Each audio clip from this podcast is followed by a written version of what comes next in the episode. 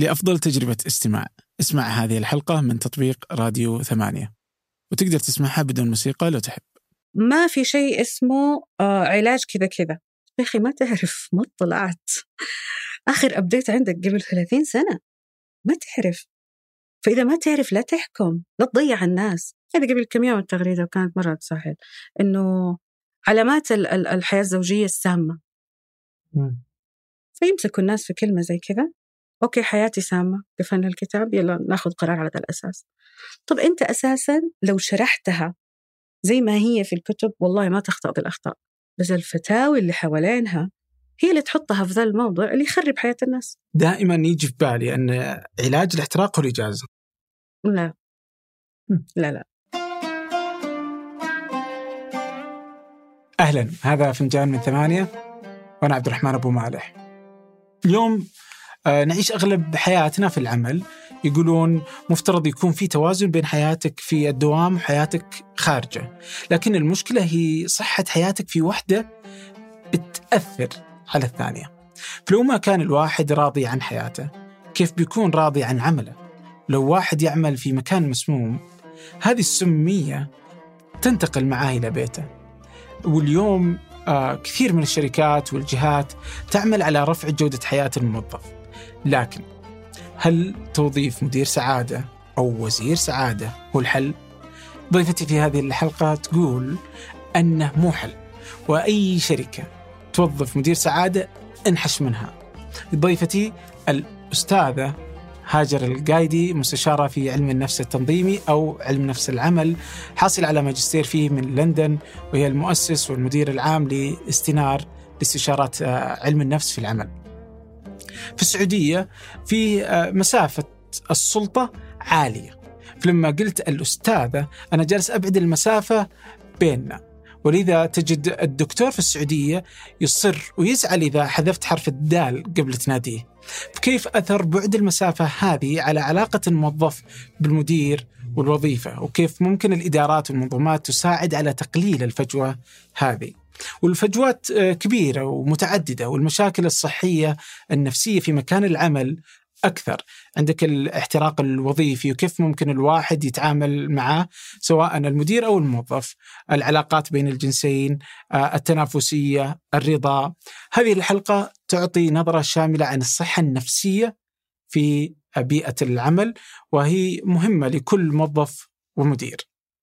قبل أن نبدأ إذا كنت مدير شارك الحلقة هذه مع موظفيك آه، أو المدراء الآخرين. إذا كنت موظف لا تشاركها مع مديرك. أما الآن لنبدأ. بالنسبة لي تجاربي مع اختبارات الشخصية المهنية لاحظت مجموعة أشياء مرة كثير ولاحظت أشياء مختلفة عن آه، بقية العالم. هذا الشيء كان يعني مدهش مرة لي هل إحنا زي العالم؟ مو زي العالم. هل إحنا فعلا مختلفين؟ هل لما أسأل أنا شخص عربي السؤال هذا هو نفسه آه، الشخص الأجنبي حيجاوب بنفس الطريقة. هل نتكلم عن نفس الشيء؟ لما نقول عائلة مثلا هل نتكلم عن نفس الشيء؟ لما نقول عمل هل نتكلم على نفس الشيء؟ اللي ألاحظه حاليا أنه لا. نختلف. نختلف مرة كثير. آه. نختلف في السياق الاجتماعي نختلف في التفاصيل اللي نعيشها نختلف في رؤيتنا للسلطة في اهتمامنا فيها. أشياء كثير مرة مختلفة. لما أقول لك الافرج حق السعوديين اللي يوصلوني وأنا ما حيوصلني كل السعوديين يعني مئات الاختبارات مئات الأشخاص ويوصلوني ناس بحثوا ورغبوا في إنهم يفهموا عن نفسهم أكثر. اللي يوصلوني في شيء ملاحظته في آه الذكور مختلف عن الإناث كثير. يعني الاختلاف ما هو بسيط اختلاف ماسف آه. فتكلمت مع دكتور عبد الله الرويتع دكتور عبد الله الرويتع كاتب كتاب عن الشخصية السعودية. مسوي اختبار آه مسوي يعني norm group اختبارات شخصية وعنده مرئيات مرة كثيرة منشورة أبحاثه. قال لي معلومة مرة كانت مهمة. أنا لما أقيس في الاختبار اللي أسميه أنا عند الأجانب ثقة بالنفس عند السعوديين ربما يكون ال social desirability المرغوبية الاجتماعية. يعني إيه؟ يعني هو الآن ما يتكلم عن ثقته بنفسه عن رغباته هو يتكلم كيف لازم يكون من قبل المجتمع. ففي ضغط مرة كبير على الرجال في المجتمع إنهم يمتثلوا يمتثلوا للقبيل يمتثلوا للعرف يمتثلوا لقوانين العمل. وطول السنين اللي فاتت عشنا في مجتمعات منفصلة تماما فكان ضغط الرجال على الرجال أشد. إنه يكون. فلما هو كرجل يقيم ثقته هو حيقيمها مما قيل له ومما سمع عن الآخرين ومن ما هو مفروض يكون عليه. الايدول اللي عنده. بس النساء ولما أكد لي إياها هذا الدكتور ريتا كانت مرة معلومة جميلة. النساء طابقوا في اختبار الشخصية النورم العالمي. يعني أنا عندي النساء في السعودية أقدر أقارنهم؟ بأي مرأة في العالم. سمات الشخصية سهل إني حتكلم عنها. بالمقارنة. لما حتكلم عن هذا الشيء حتكلم عن العاطفة حتكلم عن العاطفة عندهم وعندي نفسها. بس لما حتكلم عن الرجال حتكلم عن شيئين مختلفين. اللي لاحظته وحسيته ممكن يفسر مشكلات العمل بشكل كبير انخفاض الثقة عند الرجال أعلى عند النساء. انخفاض عند الرجال أعلى من انخفاض الثقة والثقة عند النساء أعلى من عند الرجال في المجتمع السعودي. فاجأة والله هذه ملاحظات واثقين في انفسنا هذه ملاحظات فهي ما ما هي قابلة للتعميم لهذه الدرجة لكنها تستحق أن تؤخذ بعين الاعتبار. إيش أثر هذا الموضوع؟ لما أنت يكون مديرك مواثق بنفسه مثلا أعطيني أمثلة. أتوقع إذا ما هو بواثق بنفسه بيصير آه، متسلط أكثر. ممتاز. بس خلاص. بس؟ لا يعني ممكن يعني ما يخلي لازم يصير له آه، رأيه حاضر. ممتاز. ما يقدر يقبل الأذكى منه في الغرفة. اكزاكتلي exactly. آه آه. الحساسية للنقد تزيد. صحيح. آه ما حد فينا يقدر يقول الفيدباك الحقيقي. ما حد يقدر يكون صادق لأنه الإيجو هش. صحيح. فممكن أنت تفقد كل مكانتك لو كنت واضح وصريح كفاية. في نفس الوقت أنا أشوف أنه في اختلاف داخل مناطق المملكة في هذا الموضوع. في فرق بين الأجيال كمان في هذا الموضوع. الأصغر أكثر ثقة حاليا. فالأقدم عندهم المشكلة الأكبر في الثقة؟ ما أقول المشكلة أكبر في الثقة أقول أنهم يهمهم الجماعة أكثر مما يهمهم المصلحة الذاتية والعملية. رأي الآخرين عندهم أعلى من رأيهم هم الخاص في عملهم. أو رأي يعني مصلحة العمل ما هي هي المقدسة؟ دائما لما يكون ما في ثقة كافية أكون أنا خايف. لما أكون خايف أو قابل للاهتزاز قراراتي حتكون دائما الأأمن. ما فيها مغامرة ما فيها مخاطرة ممكن تجيني ملامة. وبدون مخاطرة ما في عمل. صح. فهذا هذا على إطار العمل يعني نتكلم في الثقة الشخصيه المهنيه في إطار العمل بس أكيد لها انعكاسات اجتماعية مرة كبيرة تشوفها يعني. إيه لأنه بيجي ببالي إنه كذا العينة نحن أنا أبغى ادافع عن الرجال سامحيني العينة اللي اخذتها للنساء معناته إنهم هم الصغار اللي دخلوا سوق العمل لأن النساء في سوق العمل آه، جدد. فإذا قارنا الرجال صغار السن مع النساء صغار السن أتوقع بيكون النتيجة مختلفة صح؟ دكتور رويتا قاس في سمات الشخصية مو المهنية م. في سمات الشخصية ككل قاس آه عينة بنفس العمر من الرجال والنساء كانوا طلبة طبعا كل موضوع العينات عندنا وأي دراسة أقولها لك عندنا فإحنا ما نقدر فيها إننا نقول إنها دراسة كافية إنك تاخذ منها حكم لكن يعني هي مكان نبدأ منه. مكان نبدأ منه ممكن يشرح شوية. أنت تقولي طب إيش النتيجة اللي طلع فيها الرويت يعني من نفس هو مختلفين. الرجال هنا مختلفين. ضغط عليهم أقل. مرغوبية اجتماعية سماها ما سماها الثقة. مرغوبية اجتماعية عندهم أعلى. فلما تكون مرغوبية اجتماعية أعلى أنت يهمك الناس أكثر مما يهمك أشياء كثيرة. أو أكثر مما يجب أن يهمك أشياء بس ليش ما تشوفيها برضو عند النساء نفس الشيء؟ أو ليش ما وجدت النتيجة؟ لأن اللي يحضر في, في ذهني أنه ما نختلف كثير. يعني أعتقد يعني إنه النساء عندهم برضو المرغوبية الاجتماعية عالية. آه. إيه رأيي أنا؟ أول شيء بالنسبة للنتائج لا عند الرجال حول العالم مم. الرجل عنده self bias report لما يتكلم عن نفسه يشوف نفسه أحسن. مم. هذا حول العالم. فهو مثلا ممكن يشوف اثنين رجل وامرأة بنفس القدرات العقلية الرجل يقيم نفسه أذكى مما تقيم نفسها هي. مم. فهذا حول العالم غير عندنا. عندنا في شيء أكثر هو اللي أتكلم عنه. بس آه، آه، في واحدة من التغريدات إنه كنت تقولي آه، آه، كل اللي يتخيله الإنسان عن نفسه هو وهم أو كل ما يعتقد عن نفسه هو وهم وإن الرجال يتوهمون إنهم أذكى وأفضل بينما العكس عند النساء. صح؟ آه هي مو كذا شرحها إذا كان لازم تنشرح.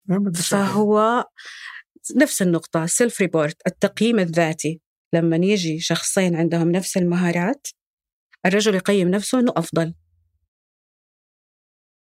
طب ما تعطي انطباع إنه ثقته أفضل أكثر؟ آه هي ممكن تكون ثقة ممكن تكون وهم. مو مو الثقة وهم؟ لا والثقة مو وهم الثقة هي أني أعرف جيدا أنه هذه القدرة عندي بهذا الحجم فلو جاء أحد أنقص منها أعرف أنه أنا لا أنا في هذا المكان بشكل جيد.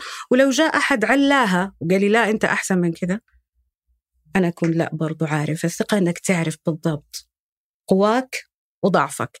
ما حد حيزيد عليك شيء كثير إذا جاء. ما حد حيقدر يأذيك فيها أصلا. لأنك تكون عارف أنه أنا في هذه القدرة فعلا فذ. وش اللي يسويه الإنسان عشان تكون عنده ثقة عالية؟ الثقة موضوع مرة كبير مو واحد شيء ولا اثنين ولا ثلاثة. تبدأ من النشأة تبدأ آه بعدين من الفيدباك الاجتماعي. فيأكد لك فعلا إنه في صدى إنه عندك هذه الموهبة إنه عندك هذه القدرة. هي أساسا القدرات تصرخ داخلنا. أكيد إنك أنت حتحاول تثبت شيء معين للعالم بأي شيء تسويه. اللي حيجيك من العالم كفيدباك حيأكد هذه القدرة عندك. بعد سنين حتكون عارف إنه فعلا هذه الكواليتي اللي عندي وهذه نقاط الضعف اللي عندي. طيب الآن أنا تخصصك مثير للاهتمام صدق واول مرة أنا أنا أعرف إن فيها طب نفسي وفي علم نفس حلو. وفي حلقات كثيرة ما بين طب النفس وعلم النفس اللي سبق ناقشناها في فنجان. بس علم النفس التنظيمي هذه جديدة. فوش فكرة علم النفس التنظيمي؟ أوكي. الاسم الترجمة أساسا هي أكبر مشكلة في هذا التخصص في اللغة العربية. لأنه هو بالإنجليزي organizational psychology. organization منظمات.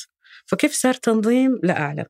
فمفترض إنها علم النفس علم نفس المنظمات. فهذا يمكن يعني أوضح لكن هو أساسا التخصص زي كل مشاكل علم النفس له عدة اسماء باللغة الإنجليزية. يعني في بريطانيا اسمه occupational psychology. أوروبا كمان أقرب occupational psychology. شوية صار في شيء جديد اسمه business psychology. فهذيك علم نفس الوظيفة هذا علم نفس العمل. لا هو أيوه مسميات يعني مختلفة لنفس الم... يعني. نفس الموضوع. إيش هو أصلا علم النفس التنظيمي؟ كعادة الألمان اللي طيب رأيك نعتمد ال- المصطلح اللي تعتقدينه أقرب؟ علم نفس المنظمات علم نفس الوظيفة علم نفس العمل. علم نفس العمل؟ يا. ممتاز. فعلم نفس العمل؟ نغير تغيير كامل؟ يعني أحس إنه أفضل إذا أنت تعتق... يوضح لأن علم التنظيمي ما ما تثير أي فكرة. ما يعطيني آه، انعكس آه، فكرة جيدة عن اللي عن حقيقة الموضوع. حلو. فإذا تشوفي علم نفس العمل نستخدم هذا أوكي. المصطلح. علم نفس العمل. كعادة الألمان اللي بدأوا كثير من العلوم في بداية القرن كان في عالم ألماني في أمريكا بدأ يسوي اختبارات شخصية بسمات مرة بسيطة عشان يجيب عمال أفضل للمصانع. يعزى لهذه الطريقة في اختيار العمال كثير من الأشياء اللي صارت في الرأسمالية كتحول في الإنتاج. لأنك أنت لما تجيب إنسان قادر على العمل بشكل محدد في شيء محدد أكيد أنه حيكون أدائك أفضل. فكان هو يسوي اختبارات عشان يحفز يختار العمال القادرين على العمل في هذه الأماكن. شوية شوية بدأ هذاك العلم. في الحرب العالمية الأولى صار اختيار الجنود في أمريكا بناء على اختبار شخصية طويل. لو تشوفوا الحين زي اختبارات الشخصية. ليه؟ موجودة حتى نسخ من الاختبار وطريف الأسئلة الموجودة فيها. مثل إيش الأسئلة؟ إنه زي الخوف تخاف أو ما تخاف بس إنها تشبه الاختبار الحين قائمه على التريتس يعني مو مو ذاك مو ذيك الدرجة تحول العلم في أشياء قائمة زي ما هي. عشان يختاروا الجنود اللي أقل تعرض لل shock shell لل shell shock. اللي هي؟ اللي الحين اسمها trauma صدمة. مم. اللي هي صدمة الحرب يصير إذا سمع متفجرات ما يمرض أكثر. طبعا الآن اسم ال trait هذه عصاب فالأقل عصابا أقدر أنه يتحمل أو على الأقل يكون أقدر أنه يعني ما يتدمر كثير من حاجة زي كذا. هذا الكلام عام. لكنه ما هو حقيقة. يعني ما هو ما في حقيقة واحدة في اختيار الجنود. واختلف الموضوع من هناك لين الحين فكانوا بيختاروا جنود أقوى. لما أنت تختار جنود أقوى أكيد أنه عندك جيش أقوى. صح. زي لما كان في يوم ما الانكشارية ناس ما عندهم انتماءات. عشان تقدر يكون عنده قتل بلا مخاوف. هذه الطريقة بدأت علميا في أمريكا. أخذ التخصص مرة أبعاد كثيرة طوروا عليه ناس مرة كثير. لا يزال هو هذه المادة حقته أداته الأساسية اختبارات الشخصية أو اختبارات الأماكن. يعني اختبارات أماكن العمل. وما حصل تطور كبير في هذا العلم ليش؟ حصل تطور لكن ما هو للدرجة اللي مثلا الآن مقبل على تطور مرة كبير بإنترنت الأشياء؟ لأنه ممكن تستقرأ الإنسان بصوته وتحطه في المكان المناسب من غير ما أنت تسوي اللي سويناه الآن. كاختبار شخصية طويل وأسألك وتجاوب والإجابة ممكن تكون خطأ ونحاول نسوي مصادقة هذا أنت ولا هذا مو أنت. فصارت في أشياء أكثر اختصار. ممكن الثورة الصناعية الرابعة تسوي تحويل كبير في التخصص. طيب آه، هل في علم النفس آه، آه، علم النفس العمل قدرتوا توصلوا أو قدروا يوصلوا إلى معرفة أصلا ليش الإنسان يعمل في الأساس؟ هل هو يعمل لأنه يبحث عن الفلوس والعيش ولا يبحث لغاية هذه من أهم الأشياء اللي تختبرها الاختبارات. بجانب اختبار الشخصية أنت عندك اختبار القيم وعندك اختبار الدوافع عندك اختبارات السمات السوداء في الشخصية. اختبار القيم يوضح لي أنت حتشتغل في ذا المكان ولا حتتعب من ذا المكان ولا فعلا هو ذا الشيء مناسب لك. القيم أساسا أنت تعرفها. يعني أنت الآن لو أسألك إيش أهم قيمة عندك في المكان اللي تعمل فيه إيش حتقول؟ يعني يكون شيء يتوافق مع قيمي اللي أنا أبغى اسويها مثلا. طيب إيش هي؟ تأثير ما أدري. حلو. الآن أنت قلت قيمة مرة كبيرة. تأثير تغيير حياة الناس. اللي دفعك في هذه القيمة قصة طويلة. جيناتك أجدادك نشأتك حياتك. في النهاية هذا السطح من الشخصية يقول إنه هذه هي القيمة المناسبة أو هذه القيمة اللي أبغى أشتغل فيها. يعني أنا ما أقدر أكون في مكان إنتاج كل يوم أسوي نفس الشيء. اللي يدفعك حاليا من سمات الشخصية هنا الابتكار. فالابتكار عندك تقريبا تسعة من عشرة أو يعني قدرتك على الابتكار وإنشاء أفكار خلاقة دائما قدرة مرة عالية. يستحيل إنك تشتغل في مكان روتيني. ولو اشتغلت اضطرارا لأنك لازم تعيش احتراق. احتراق وظيفي؟ أنا أسوي شيء كل يوم أنا ما أحبه ولا أبغاه ولا يمثلني. هذا مو أنا. فالقيم هي النتيجة اللي نطلع بها من تجاربنا مع نشأتنا مع أحداثنا مع المواقف اللي في الطفولة شفناها وقفنا مع العدالة أو وقفنا مع الشر مع أفلام كرتون اللي تفرجناها مع المدرسة واللي حصل فيها. في النهاية تتحرك فيك أشياء مرة كثيرة تعيش لأجلها. أنت في الحياة أصلا في خيار إنك تطور تعيش وتغير أو إنك تاخذ مكان مرسوم وتجلس فيه. عندك يا هذا شبه الموت يا التغيير. طيب هل في دوافع آه، صحيحة آه، صحية للعمل؟ في دوافع غير صحية؟ ما أعتقد أنه في شيء كذا أبيض وأسود صحي أو غير صحي. لما بندرسها من جهتنا إحنا ندرس السمات السوداء في الشخصية. وش تقصدين بالسمات السوداء؟ أقصد قديش الإنسان هذا هي ثلاث سمات. السيكوباثية النرجسية الميكافيلية. إيش هي السيكوباثية؟ قدرتك على إنك تؤذي أحد بتعمد. إيش هي النرجسية؟ النرجسية هي اللي تخلي الإنسان أصلا يوقف يقول هذا أنا. شوية نرجسية هي اللي توقف الإنسان على رجوله. الكثير من النرجسية هو اللي ممكن يتعب الآخرين حولك. فالنرجسية مطلوبة في الإنسان بس كثرتها هي الخطأ. Exactly.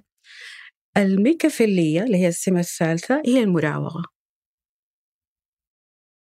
في أماكن نحتاج فيها إنسان ميكافيلي جدا.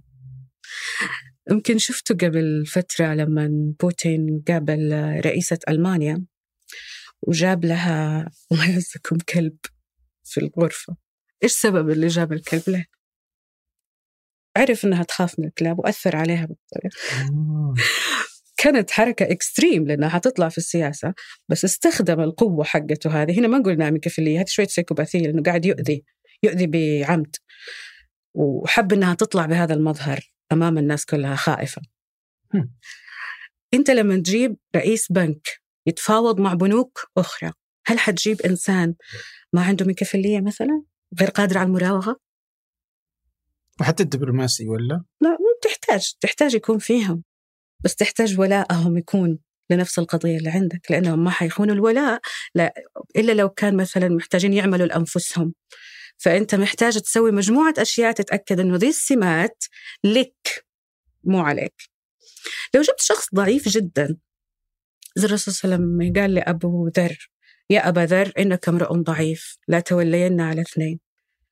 هذا هذا فيدباك مباشر في سمات الشخصية. في إنسان حيقدر ينافح مثلا عن مال يتيم لأن الرسول صلى الله عليه وسلم قال له لا تولين على اثنين ولا تحكمن في مال يتيم.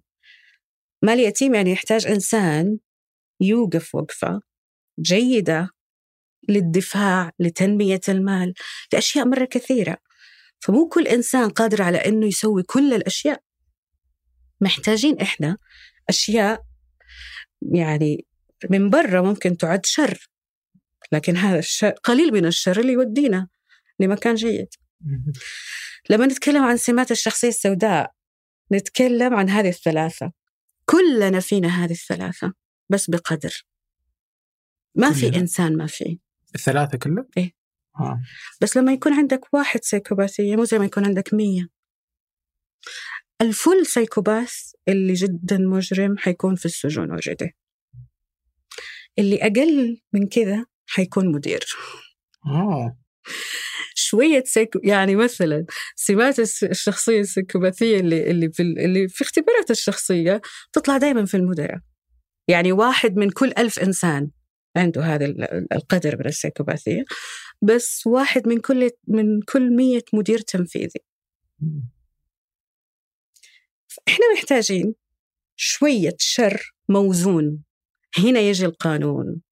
هنا تجي اللوائح. هنا تجي الأشياء اللي تخلي البشر ما يطغوا على بعض. بهذا الإجرام يعني تخلي الإجرام محسوب. كيف كان؟ كنت psychopathy؟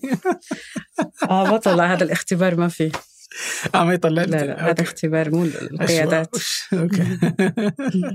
طيب فكنت آه، طيب هل بحث الإنسان عن آه، أو قبل أروح لغايه العمل كيف يقدر هل يقدر الواحد يتحكم في هذه الثلاث السمات عنده يقللها يرفعها؟ أو هل أصلا يقدر يدرك وش هذه السمات اللي أنا عندي؟ بحث الإنسان لحاله الإنسان اللي يوعى بدون علم نفس بدون أي شيء يعرف. استبصار يسموه في علم النفس الوعي الذاتي. تلقى إنسان فعلا آه، وصل مع نفسه المعرفة يراقب فيها نفسه وعرف إنه ممكن يكون مؤذي وسوى لنفسه. control ممكن يكون نرجسي بزيادة. ممكن يكون ميكافيلي. أشك في إنه الميكافيليين يغيرون يعني ال method لأنها إذا استنفعوا منها خلاص. خلاص يعني. يقدروا ما إذا ميكافيلي بس ما هو psychopath ما حيضر أحد. مم. يعمل لمصلحته فقط. آه غالبا الناس تعرف ذا الشيء في نفسها إذا بحثت إذا تصادمت إذا سمعت هذا الفيدباك. لكن كذا يعني بدون تفكير ما. وهل هي إذا أنا عرفتها قابلة للتغيير ولا هي شيء في الإنسان لا يمكن تغييره؟ كثير من الأشياء قابلة للتغيير في الشخصية. البحوث الحديثة تقول أنه ممكن بمنهج معين تتغير سمات في الشخصية. لكن أنت الآن محتاج control. control الدين أكبر control عند الإنسان. الأخلاق. إنه هذا الشيء ما أبغى أظلم فيه أحد. حأحاول حتى لو كان سهل الظلم إني ما أظلم في أحد. فالدين والأخلاق كلها أكبر control ال control الثاني أحيانا إحنا نسويه في اختبارات القيادات إنه أنت الآن تؤذي الآخرين آه هم ما يشوفوها بهذه الطريقة. لازم كل واحد يشوف الثاني كيف يشوفه. لأنه أنت لحالك يعني ما حيكون عندك الرؤية هذه ال 360 فيخبروك الناس بأشياء عن نفسك قد تنكرها جدا لكنها أصدق من رؤيتك لنفسك. عشان كذا اختبار 360 آه، اللي هو تقييم أداء يجي من الموظفين اللي حوالينك بشكل سري. فهذا الاختبار الشامل اللي تقصدين واحد من اختبارات القيادات. القيادات يبغى لهم شغل ثاني في التطوير والتقييم.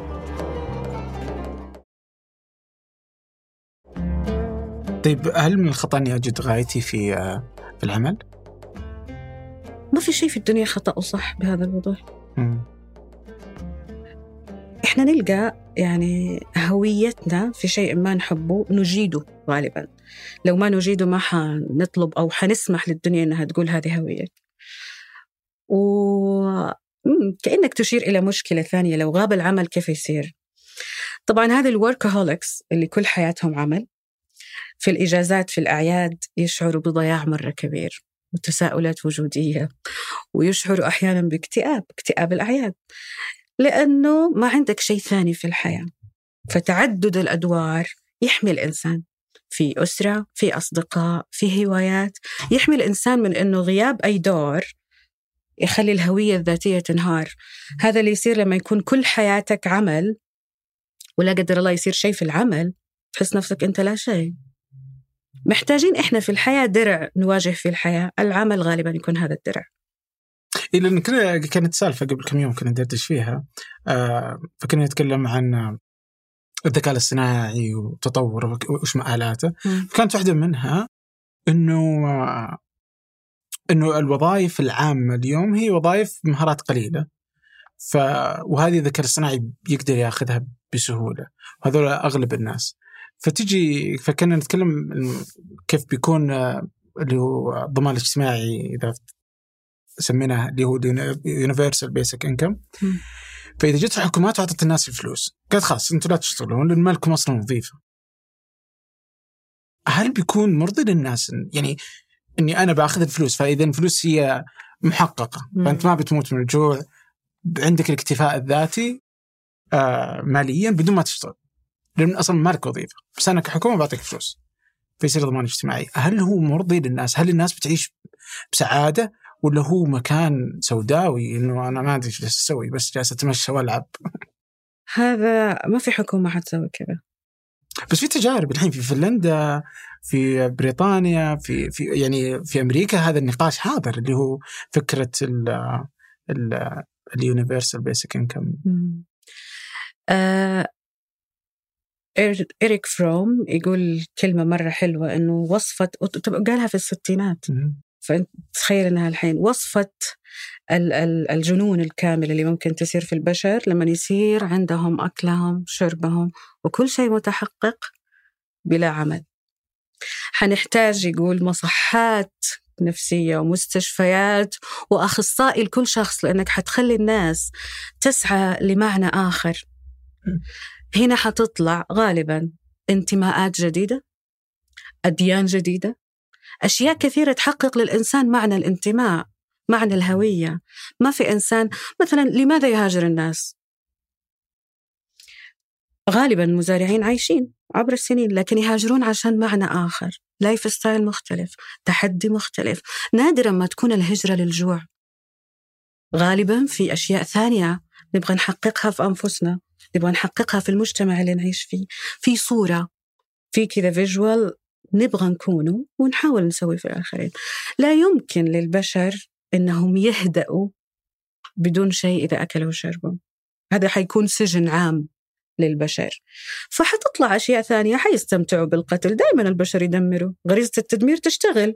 متى ما متى ما استطاع الإنسان يكون مدمر بشكل كبير.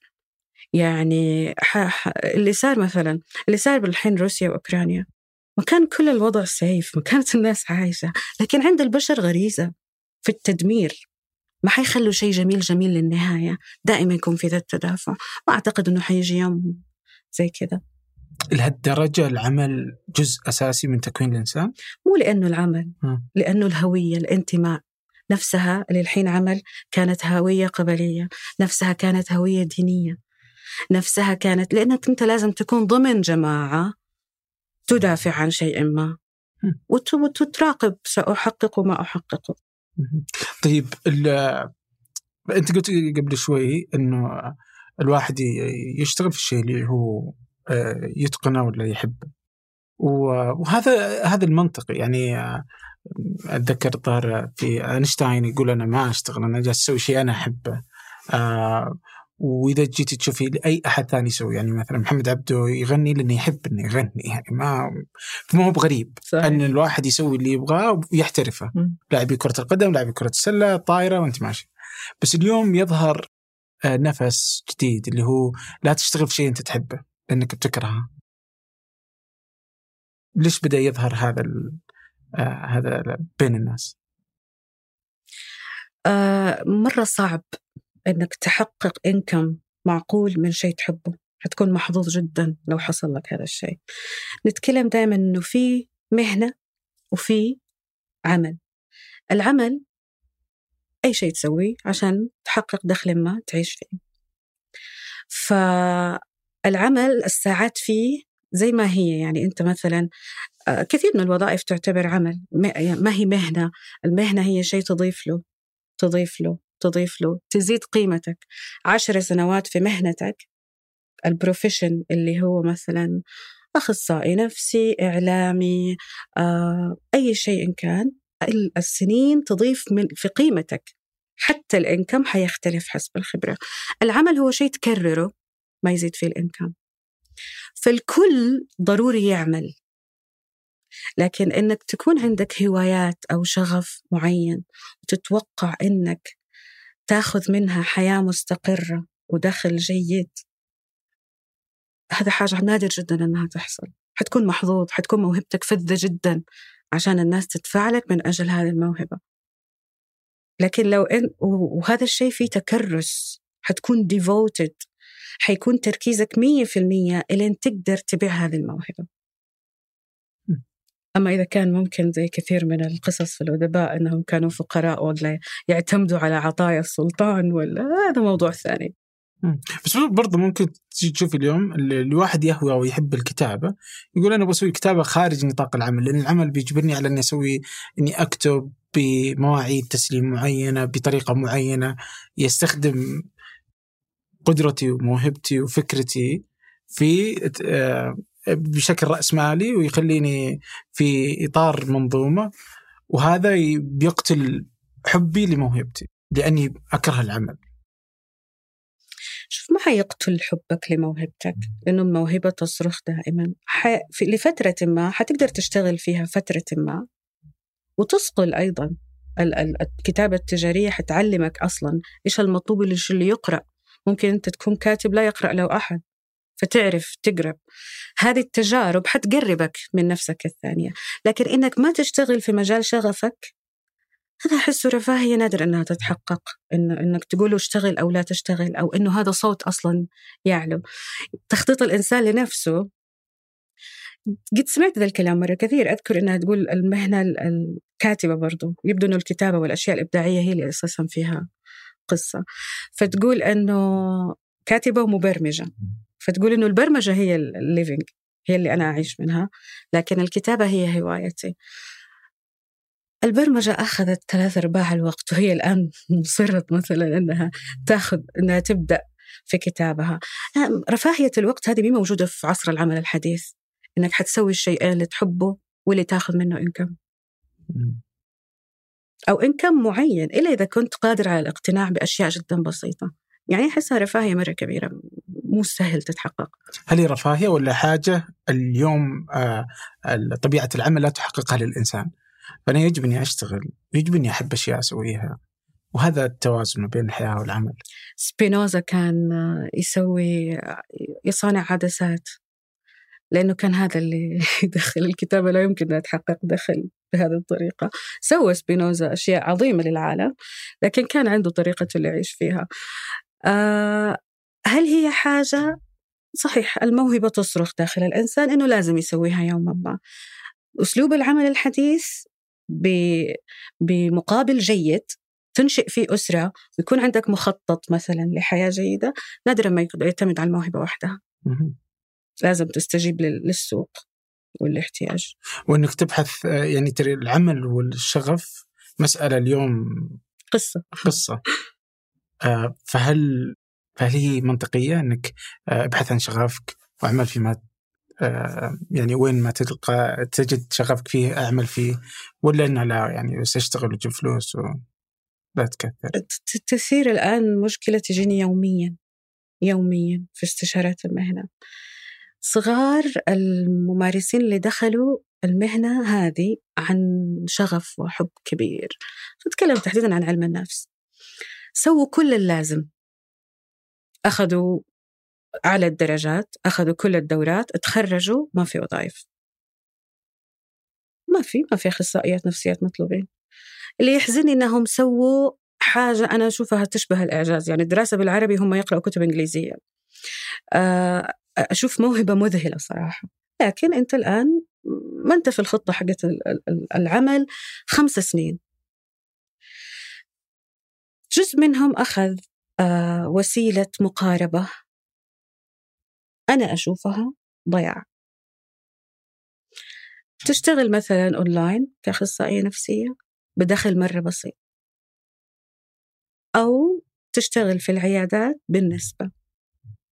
ما في وظيفة ما في تأمين تأمينات اجتماعية ما في ما في استقرار في المهنة. okay جيد بس معناها أنت حتعيشي على غيرك. سواء رجل أو امرأة. حتعيش محتاج غيرك دائما. ما حتقدر تستقل.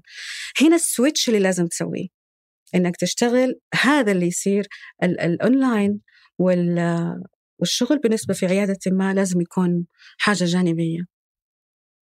وتحقق دخل من جهة أخرى. لأنه ما حتقدر تعيش أحيانا عشر سنين ترى هذا مكانك زي ما أنت. ما في ولا حاجة. فهنا مصلحة الإنسان. أهم شيء لا يضيع. لأنه لا الشغف ولا الهواية ولا شيء حينفعك لما أنت توصل لمرحلة الأربعين بدون أي استقرار. هذا السويتش هذا القرار السريع صار مطلوب من معظم الناس في كل التخصصات. السوق العمل يتغير بشكل مرة كبير. كلنا في سباق نحو الرؤية. الرؤية آه غيرت تغيير حلو في قيم العمل. حلو جدا اختلفت الأماكن. أبدا مو إحنا نفس الناس. أنت الآن سوي ال switch المناسب اللي قالوا لك يا هو هذه أحسن الوظائف قبل عشر سنين ما هو نفسه. يجوني خريجين اللغة الإنجليزية مثلا. أنا كنت قبل عشرين سنة أفخم شيء ممكن. الحين مين مين ما يتكلم إنجليزي؟ انتبه جيدا لل switch اللي قاعد يحصل التحولات الاجتماعية والحق اللي تلحقه. فإذا ما لحقت ربما إنك تخسر وربما إنك ما تخسر. ممكن تكون لك بشكل والتغيرات لا تنتهي ولا تتوقف ولا ممكن إنه اليوم نقول آه، إنه هذا هو التغير الأخير. صحيح. هو تغير بالعكس أحس التسارع فيه أسي. صحيح. فيعني يجب تلحق ولا ما تلحق. آه على التغيرات وش اللي تغير ما بين بيئات العمل في الماضي واليوم؟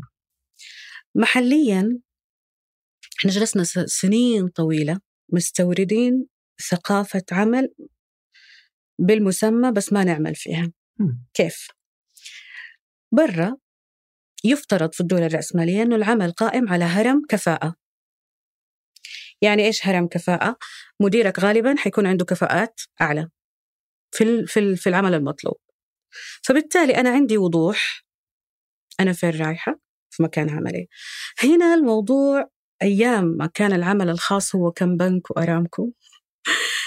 والعمل الحكومي هو كل الشعب.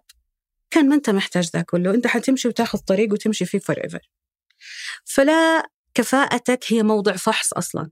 ولا هي موضع تقييم. ولا مطلوب من المؤسسة الحكومية هذه إنها تحقق دخل. طالما أنه مو مطلوب أنه تحقق دخل فما في أصلا محاسبة.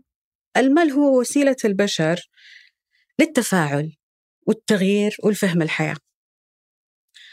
حاليا الهرم هذا اللي عندنا مو مبني على الكفاءة مو الأكفأ هو اللي حياخذ بوزيشن ولا أنا أعرف كفاءات اللي حولي أو الموظفين اللي فيه. إيش هو الهرم اللي قائم عليه العمل عندنا الآن؟ ما أعرف والله. بجد ما أعرف. ما أعرف لأنه تجي أماكن مثلا نرجع لموضوع ال social desirability فيها ناس يشبهوا بعض كثير مستنسخين. أنا أعرف أن هذا المكان ما, ما راح يشتغل أبدا. ليه؟ لأنه هم يكرروا بعض ويصفقوا لبعض على نفس الأخطاء. أنت لما تكون منفتح للعالم لازم تستند لنفس الأشياء اللي قامت عليها ثقافة العمل هذه الرأسمالية تقريبا اللي هي نظام عمل قائم على الكفاءة. تختبر الكفاءة تقيم الكفاءة تقيم الأداء. كل السنين اللي فاتت ما كان في ذا كله. حاليا صار فجأة دخل على سوق العمل لكل الأعمار كفاءات مطلوبة تقييم مستمر. هذه صدمة. هذه صدمة ثقافية مرة كبيرة. سنين وأنا ما حد يدري أنا مين أصلا في مكان العمل. الحين تقول لي أثبت نفسك أو أخرج؟ يعني هددت مجموعة كبيرة من الناس. أحس في متضررين في ضحايا مرة كثير لأنهم ما كان هذا الشيء مطروح لهم أو, أو سامعين فيه. لكن كمان في منتفعين من هذا التغيير مرة كبير. كثير من الناس اللي حاولوا أنهم يكونوا كويسين في وقت ما بس ما حد ما لقيوا صدى حاليا أخذوا منافع التطوير المستمر للذات والعمل أيهما صح للإنسان نفسيا؟ أيد فيهم ما بين أنك تشتغل وما حد داري عنك أو أنك تشتغل وأنت مطلوب منك التطور المستمر كريشنا مورتي يقول وصفة الموت آه إنك تاخذ راتب مستمر على عمل غير خلاق آه. أنت فعلا تموت البشر لما تحط خليهم لا حيتطوروا لا حيتعلموا لا حيبحثوا لا حيتفاعلوا مع بعض. ليش يتفاعلوا؟ كل شيء موجود. حيجي جيل بعد كذا يغير يصر على التغيير. هذا كلام كريشنا مورتي عن أنه هذا الشيء يدفن الإبداع وتطور المجتمعات زي المجتمعات الزراعية. عمرها المجتمعات الزراعية اللي قائمة على الزراعة فقط ما أنشأت حضارة. لازم في تصنيع في ابتكار عشان يصير في حضارة.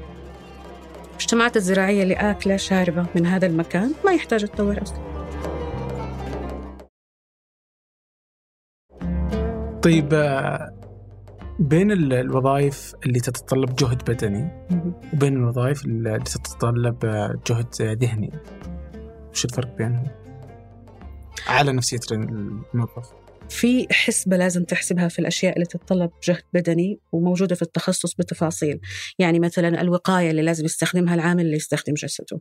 الأشياء اللي عدد الساعات اهتزاز الدريل هذه الأشياء كلها لازم تحسبها عشان ما يتضرر الإنسان على المدى الطويل من هذه الأشياء اللي آه اللي يحتاج فيها بدنه. فالجهد البدني غالبا غالبا ما حيحتاج نفس الجهد العقلي. فحيكون معتمد فيه الإنسان. بعض الناس هذا أهم شيء لهم في العمل أنك تخليني أعمل بجسدي وهذا الشيء يحقق لهم فعلا رضا يرجع مبسوط أنه هو فعلا اشتغل هذا الشغل. بعض الناس لا ممكن في مكانه بعقله بتفاعله آه، يعني يحقق أشياء أكبر يوصل لأشياء أحسن. حاليا من مشاكل الصناعة أو الثورات الصناعية إنها خلت الأمور زي كذا. يستخدموا الناس عقولهم ما يحتاج يستخدموا أجسادهم. الجيج ايكونومي قاعد يرجع استخدام الجسد أكثر. أوبر هي الوظائف التشاركية. مثلا أوبر م. بيرجع المهن زي زمان. يعني نجار سائق آه، فقاعدة ترجع الأمور في جهة ما يعني ينقسم المجتمع. إلى اللي محتاجين الجيج ايكونومي محتاجين العمل اليومي محتاجين إنه يكون في دخل ثابت. ما حيكون ثابت. هذا له اثاره على الصحة. وعشان كذا المشت... الدولة الدول عادة تناقش إنهم يسووا تأمين لهم صحي. أي شيء ممكن ينقذ كل الناس اللي عاملة في الجيج economy اللي هو Uber جاهز مرسول غيره. حققت لكثير من الناس وظائف مرة كثيرة بس فيها استخدام جسد. إيش التحديات بين اليوم بين الشركات والحكومات في كل مكان؟ وفيها استخدام للجسد أنت مضطر تشوف الجو. برا وتشوف وتشوف. انقسم قسم زي كذا وقسم ثاني لل professionals اللي لازم يشتغلوا شغل مضاعف عشان ما يخرجوا من الساحة. طيب آه، وش الفرق بين ال- العمل بما نتكلم عن آه، أنواع العمل ال- بين الموظف والمستقل؟ أعتقد إنه كل شخص مستقل لابد إنه كان موظف يوما ما. أخذ خبرة من مكان ما. آه، حاليا قليل الأشياء اللي تسمح لك إنك تكون مستقل من بداية حياتك. لأنه آه، الخبرة اللي تأخذها من الأماكن الثانية هي اللي تخليك مرة مجتمع في نظري المستقل كرائد أعمال هو أحسن وصفة ل- ل- لت- للتغيير الذات للتطور لتحقيق شيء حقيقي للمجتمعات. بس المستقل كتاجر يمارس نفس التجارة منذ قرون. هذه مشكلة لا تضيف إلى العالم شيء أصلا. إيه بس أنا بقصد هنا برضو بدي أحدد المستقل اللي هو الفريلانسر العمل الحر. المخاطر اللي لقاها freelancer إنه ال- الوقت اللي يوقف فيها عمل ما فيها لأي سبب ما في ضمانات اجتماعية. الضغط اللي يلقاه ال freelancer على الإعلان الذاتي والتسويق الذاتي مرة ضغط كبير. تطوير الموهبة. حيحتاج منه أيضا شيء مرة كثير. بهذا إنه أنت تقولي إنه الموظف أكثر استقرارا نفسيا من الموظف آه، الحر؟ أعتقد ذلك نعم. طيب آم، في لك تغريدة تقولي آه، أن العمل أيام كورونا زاد من القلق والتوتر واللي هو العمل عن بعد. اليوم أصبح أصلا العمل عن بعد جزء أساسي في أغلب الشركات في العالم، صحيح. فاليوم كثير من الشركات تشتغل عن بعد. آه، إما كليا أو في أوقات آه، محددة. آه، بس قديش هذا عنده أثر نفسي؟ يعني أتذكر واحدة من الأشياء اللي كانت اللي هو آه، كيف فيه آه، مرض من الاجتماعات زوم اللي هو الزوم فتيق. آه وغيرها يعني. فوش أثر العمل عن بعد؟ وليش القلق والتوتر يزداد عن العمل عن بعد؟ بينما انه يبدو إنه آه، يا أريح. أنا قاعد في البيت واشتغل وخلص شغلي وآخذ فلوس. فليش مفترض إني أزعل؟ شفت التكيف اللي يحصل في التطور عبر مئات السنين؟ لسه ما حصل بالنسبة للعمل عن بعد فأنت لما تكون في عملك في مقر عملك خرجت خر- خرجت من مكانك. تفاعلت مع محيط. لما تكون جالس مع مديرك face to face قرأت مليون إشارة مو بس الكلام. كل ما قل التفاعل هذا بالحواس كل ما عقولنا اشتغلت وأجهدت زيادة عشان تفسر باقي الموقف. تفسر وكمان حتى التعلم أنت تتعلم في مكان العمل المشترك من زميلك تتفاعل تاخذ أكثر من مجرد عمل. يعني أنت حتاخذ صداقة حتضحك حتتكلم فكل ما انعزلنا اجتماعيا كل ما تعبنا. التفاعل بالنسبة للعمل اونلاين هو تفاعل بقدر العمل. ما ما يشمل اشياء كثيرة ثانية. حتى الأنشطة وال activities غالبا تكون اونلاين عقلك حيج يجهد كثيرا في إنه يحلل باقي الموقف. يفهم أكثر. وفي نفس الوقت احتمال كبير إنك ما تتعرض لل stress اللي يبني شخصيتك. المهنية اللي يبني مهاراتك المهنية. هل أنت بعد خمس سنين عمل عن بعد حتكون قادر تدير فريق في مكان عمل حي face to face مهارات اللي ما تستخدمها حتفقدها. قراءة البشر قراءة الوجوه قراءة ال- الموقف. أنا أؤيد أنه يكون العمل عن بعد جزء مو كل الحياة لأنه التفاعل لازم يكون في أشياء ثانية. ال- العزلة التامة مريحة لكثير من الناس بس ممكن تفقدك بعض المهارات الاجتماعية اللي هي تاج رأس المهارات في في في حياة عملية. بس يعني آه، أقدر أدير الناس عن بعد وأقدر أطور مهارات إدارة الناس عن بعد وإذا افترضنا إن المستقبل هو العمل عن بعد فأنا أقدر أطور آه، من هذه المهارات اللي بتفيدني في المستقبل. ما في داعي إني آه، فما اشوفها عيب آه، إني افقدها حضوريا. حلو. هي مو عيب بس إذا كان عندك طموح إنك تغير تنتقل من مؤسسة لمؤسسة أنت محتاج تت- تبقي تفاعلك البشري حي في جهة ما. ببقيه على إطار الأصدقاء والفضاءات الثالثة خارج نطاق العمل مو بالضرورة.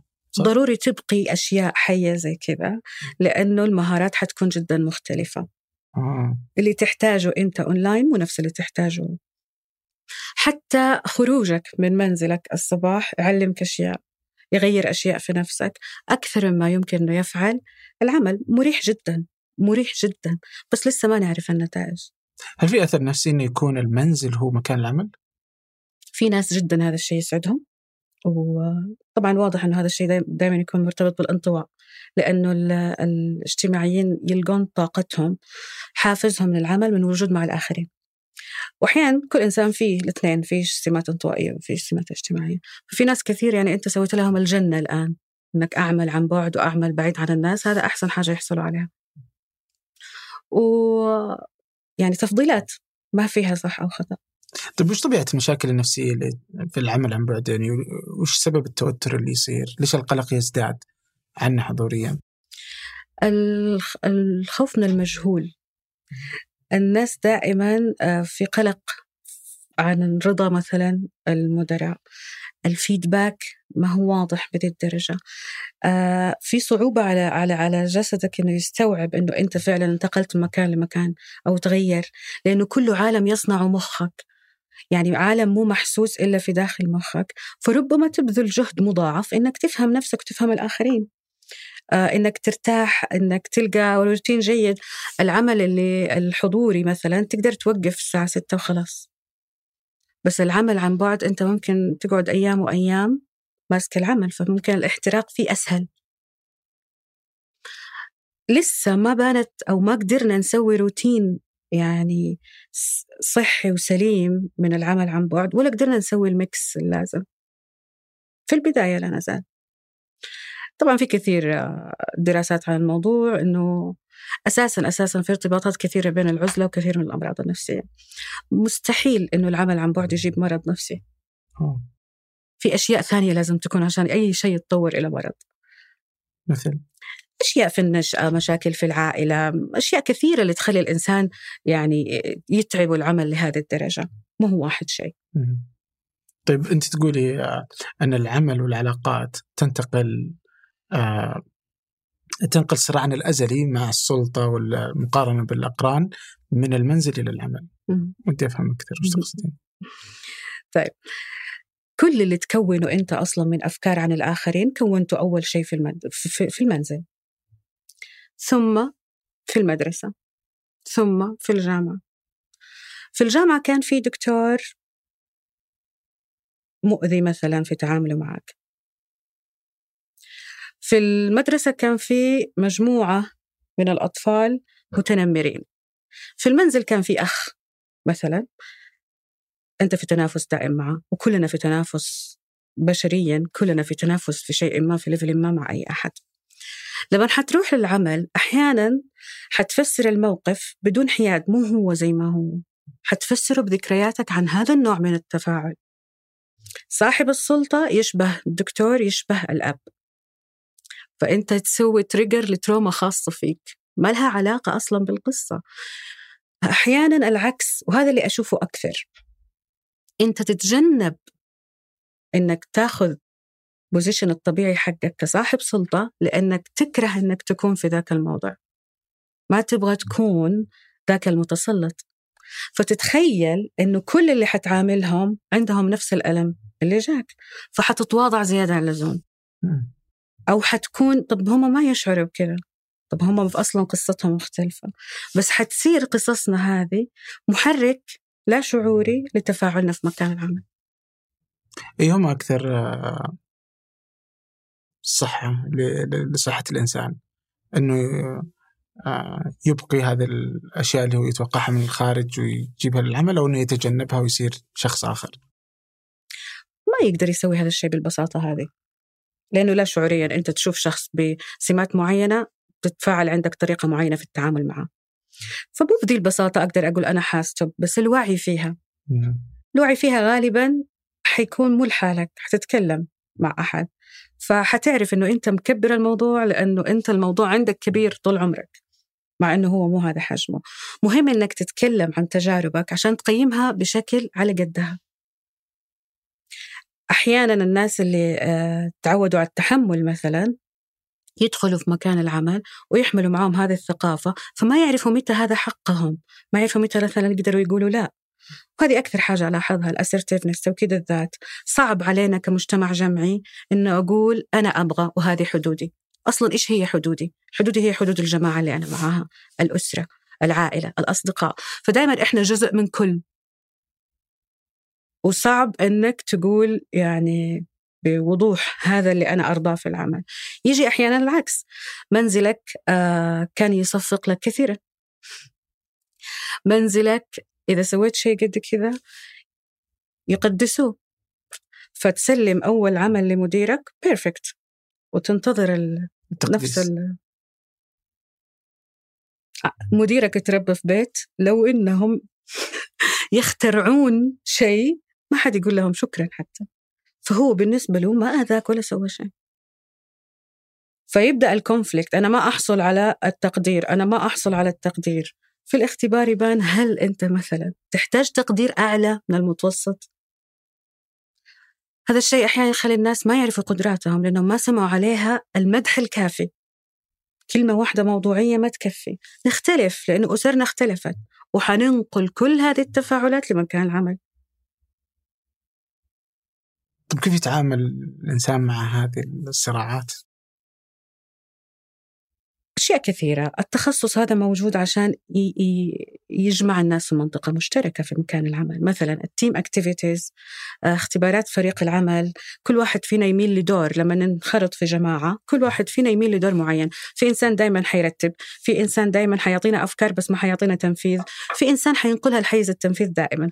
واختبارك فيه إنه أنت تنقل الأشياء للتنفيذ. في إنسان حيسوي كذا. كل واحد فينا له دور بطبيعته. هذا الدور لازم ناخذه وإحنا عارفين إنه ناخذه. وزملائك أيضا لازم يعرفوا إنه هذا دورك. طبعا من أكبر أسباب الاحتراق عدم وضوح الدور. يوم مديري يخليني أنا ال best friend ويوم يقول لي روح أنت ويوم يسلمني كل شيء. في عدة قضايا تتحكم في الموضوع معظمها ثقافية ونشأة. لكن أنك تقول أنه هذه هي ثقافة العمل في مكان واحد لا. في اختبارات الثقافة المؤسسية يمكن سمعت فيها. كل مؤسسة لها ثقافة في اختبارات تطلع إيش نوع الثقافة هذه. الكارثة تصير إذا إحنا عينا كل الناس من نفس الثقافة. فنستنسخ أخطاءنا ونكمل. بس مو نقدر نقول إنه نتوائم ما يصير في صراعات أكثر؟ أه محتاج صراعات بس إيش إيش الطريقة اللي نعبر فيها عن الصراع؟ كل واحد حياخذ دوره زي ما قلنا في ال teamwork هذا الشغل مشترك بين ال HR وعلم النفس التنظيمي إنه إنه كيف يخلي المكان يشتغل بشكل جيد مع بعض. يعني مثلا آه، ما حتحط كل الناس اللي يبغوا القيادة في واحد group دائما في مثلا انه جيب لي 100 عالم أجيب لك 100 شخص ما ينجزوا ولا شيء حطهم في جروب واحد ما يشتغلوا. فالمهم إنه هل حيشتغلوا الناس مع بعض؟ لو جبت board من أحسن الناس وكل واحد سوي الحوائط على نفسه. كلمة لصالح العمل ما حتسمعها.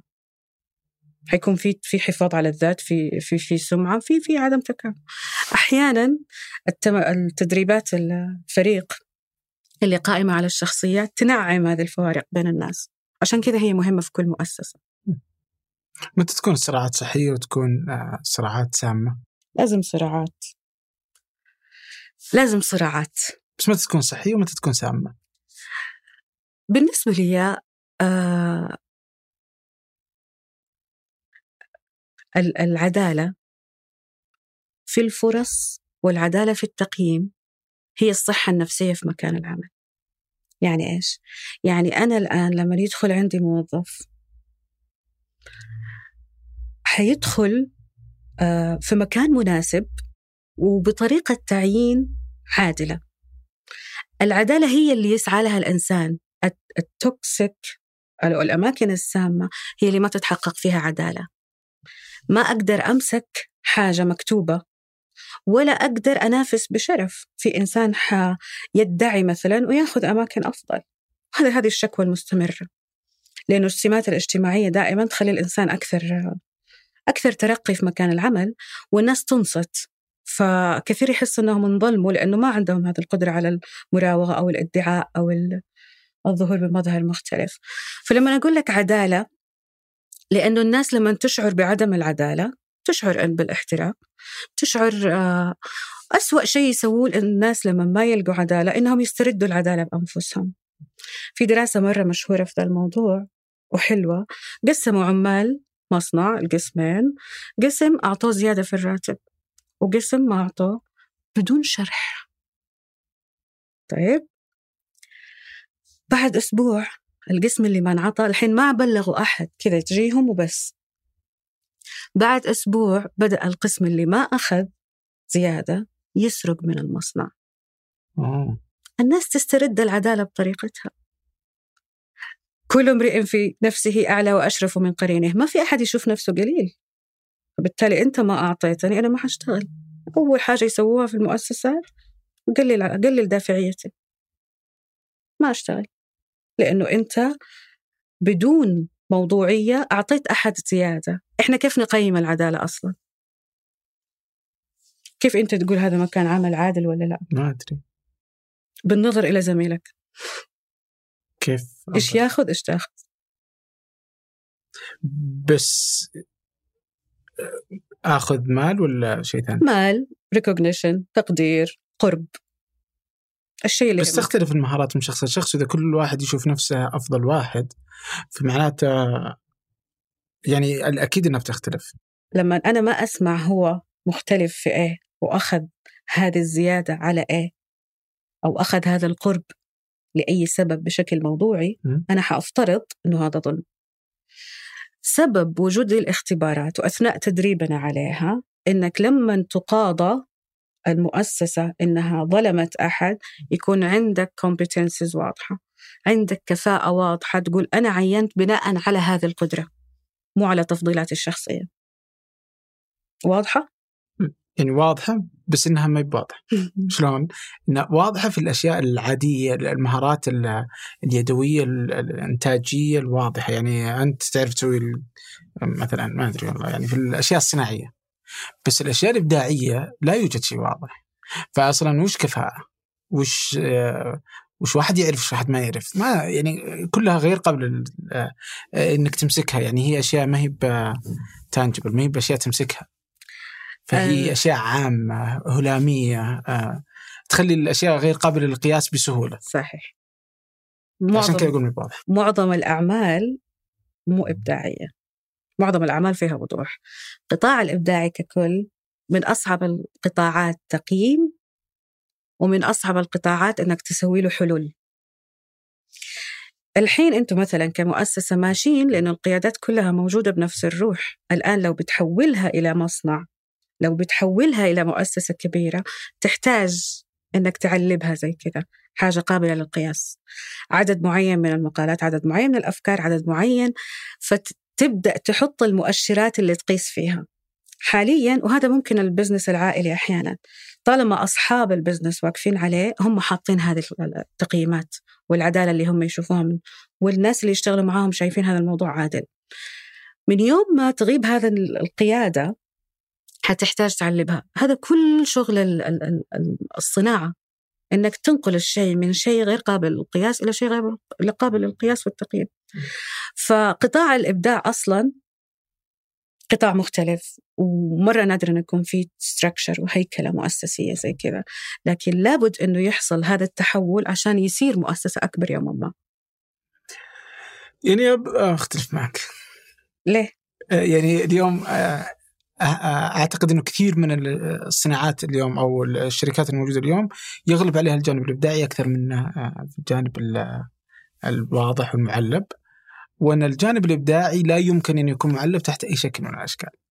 مهما كبرت الشركة. فإذا جبت أنا بيكسار ديزني نتفليكس ابل امازون هي كلها شركات إبداعية في أشكالها سواء في الإبداع في البرمجة والإتقان وتطلع مشاريع مختلفة أو إذا هنا جبناها في الأفلام ولا في الافلام ولا في الكتابة. فما يمديك تقولب الكتابه وتخليها في قالب فأقدر أحط عدد. لكنك ستفشل يعني كشركة في في المآلات حقتها. وهذا اللي خلى شركات كثيرة في هذا المجال تطلع من السوق لأنك آه، لأن ال- العدد لا يعني بالضرورة. منتج صح. فتقدر تنشر مئة مقالة في اليوم آه خمسة يقرونها. بس تقدر تنشر مقالة واحدة مئة ألف واحد يقراها. فبصير مقياس النجاح هو التأثير والوصول والانتشار. نفس الشيء إذا أخذناها بيكسار ودها تسوي فيلم آه، يعرض في كل العالم والعالم كله يتكلم عنه. ما أبغى أسوي 100 فيلم فيسوون فيلم واحد في كل أربع سنين. فصعب قولبه الأشياء الإبداعية وأن الأشياء الإبداعية اليوم هي الأكثر تاثيرا. وهذا يخلي عدد ضخم جدا من الناس يعيش هذا الشيء إنه آه ما أقدر أعرف متى أنا ناجح متى أنا راضي عن عملي متى مديري راضي عني. القطاع الإبداعي يعتمد على القدرة على الخلق عند الإنسان لكن المبدع لحاله نادرا ما يكون هو منجز. فاللي أنت حتقدر تقيسه إنك شفت مبدع استقطبت مبدع تحتاج تشغل معاه منجز. لأنه ممكن المبدع ما يسلم ولا شيء forever. وممكن المبدع يكون معاه شخص يساعده لأفكاره. هذه أكثر الأشياء من الأشياء اللي لاحظها في الاختبارات أنه شعبنا بصفة عامة قدرات التفكير عنده أو الخيال أو الخيال ككل عالية. لكن اللي يحتاج فيدباك جماعي هو الانضباط مثلا. فموضوع التسليم والمواعيد والأشياء اللي زي كذا تحتاج تطوير جماعي. هذا scale تحتاج إنه هذه مجال للابتكار لو في أحد يبغى يسوي ابتكار. طيب حلو. هذا المبدعين لازم ينحطوا في structure ما مثلا deadlines deadlines آه الكل اللي يخدمون المبدع عشان ينتج هذه كلها قابلة للقياس. شخص الانضباط عنده مية والإبداع صفر. بس يقدر يكون حوالينك يحول منتجك هذا إلى شيء قابل للبيع. هنا أنت تحتاج ال ال الاختبارات عشان تسوي ال mix. المبدع أنت عرفته. في كثير اختبارات للإبداع بس حتى الآن ما في شيء مرة واضح يقيس الإبداع. في كثير أشياء في طور التطوير لأنه الإبداع خلق خلق من شيء جديد. أنا دائما أحس إنه كلمة creativity مو إبداع ترجمتها مو إبداع خلق. أنت تنشئ شيء. فلما تنشئ أنت ما تعرف ولن تعرف.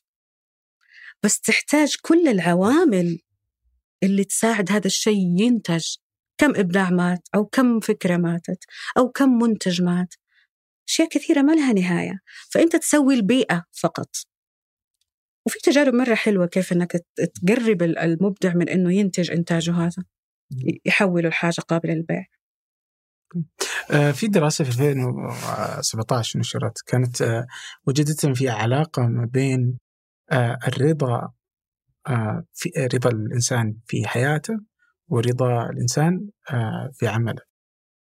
آه، فقديش هذه تشوفيها اليوم موجودة؟ ما مدى علاقة الإنسان يعني رضاه في رضاه في حياته وعلاقته برضاه في العمل الموضوع منقسم كمان هنا في الجنسين. الرجال أكثر هويتهم الذاتية مما يصنعون. من العمل. فكثير دراسات تقول أنه في منتصف العمر آه رضا الرجال يكون مرتبط برضاهم عن عملهم. في النساء بالعلاقات المقربة الاجتماعية الأشياء الاجتماعية الأدوار الثانية اللي تحبها. فكونه في فرق في الرضا هذا يجعل العمل شيء مختلف للجهتين. في شيء مرة مهم برضو سمات الشخصية تأثر على رضانا. مثلا اللي عندهم آه، عصاب عالي ومرة عالي العصاب. وش العصاب؟ emotional instability. يعني مثلا مشاعر حادة طبعا عدم استقرار كل المبدعين عندهم عصاب عالي. لأنه هذه المشاعر تكون حادة. لما تجي لما يخرج من المنزل شاف أحد فقير يحزن طول اليوم. لما يحصل موقف يبقى مع الموقف. في ناس هذا الشيء يأثر عليهم لحظيا وفي ناس لا يتقلب هذا المزاج بالمحيط يتأثر. فاللي عندهم عصاب عالي دائما عندهم عدم رضا. سواء رضي عن العمل حيرضى بشكل مؤقت وحيرجع مرة ثانية يزعل. فالعصاب محرك يعني. زي القلق محرك دافع للعمل نحو الأشياء اللي ترضيك. كثير ألاقي مثلا أنه في اختلاف في مناطق المملكة في العصاب طبعا هذه مرئيات فما أعرف أنه يوما ما لابد من مكان يقيس الشخصيات قياس جيد ويعطينا انديكيتورز مرة حلوة. لكن مثلا ألاحظ أنه آه، أقل شيء عصاب حتى الآن في اللي يجوني المنطقة الشرقية. فهم أهدأ شوية. أعلى شيء الغربية الرياض ميكس كانت. هذا يفسر أشياء كثيرة تحصل. هذا يفسر أحيانا مثلا الإقبال الكبير الحب الكبير الحب القليل العصاب الحدة الشعور المبالغة في شيء ما. طبعا الثقافة هي اللي حتخليك تبين ذا الشيء ولا ما تبينه؟ هل مقبول أنه يبان عليك مشاعرك ولا مو مقبول في ثقافتك؟ وعلى ذا الأساس حيكون حاجة داخلك ولا حاجة تخرج منك العالم.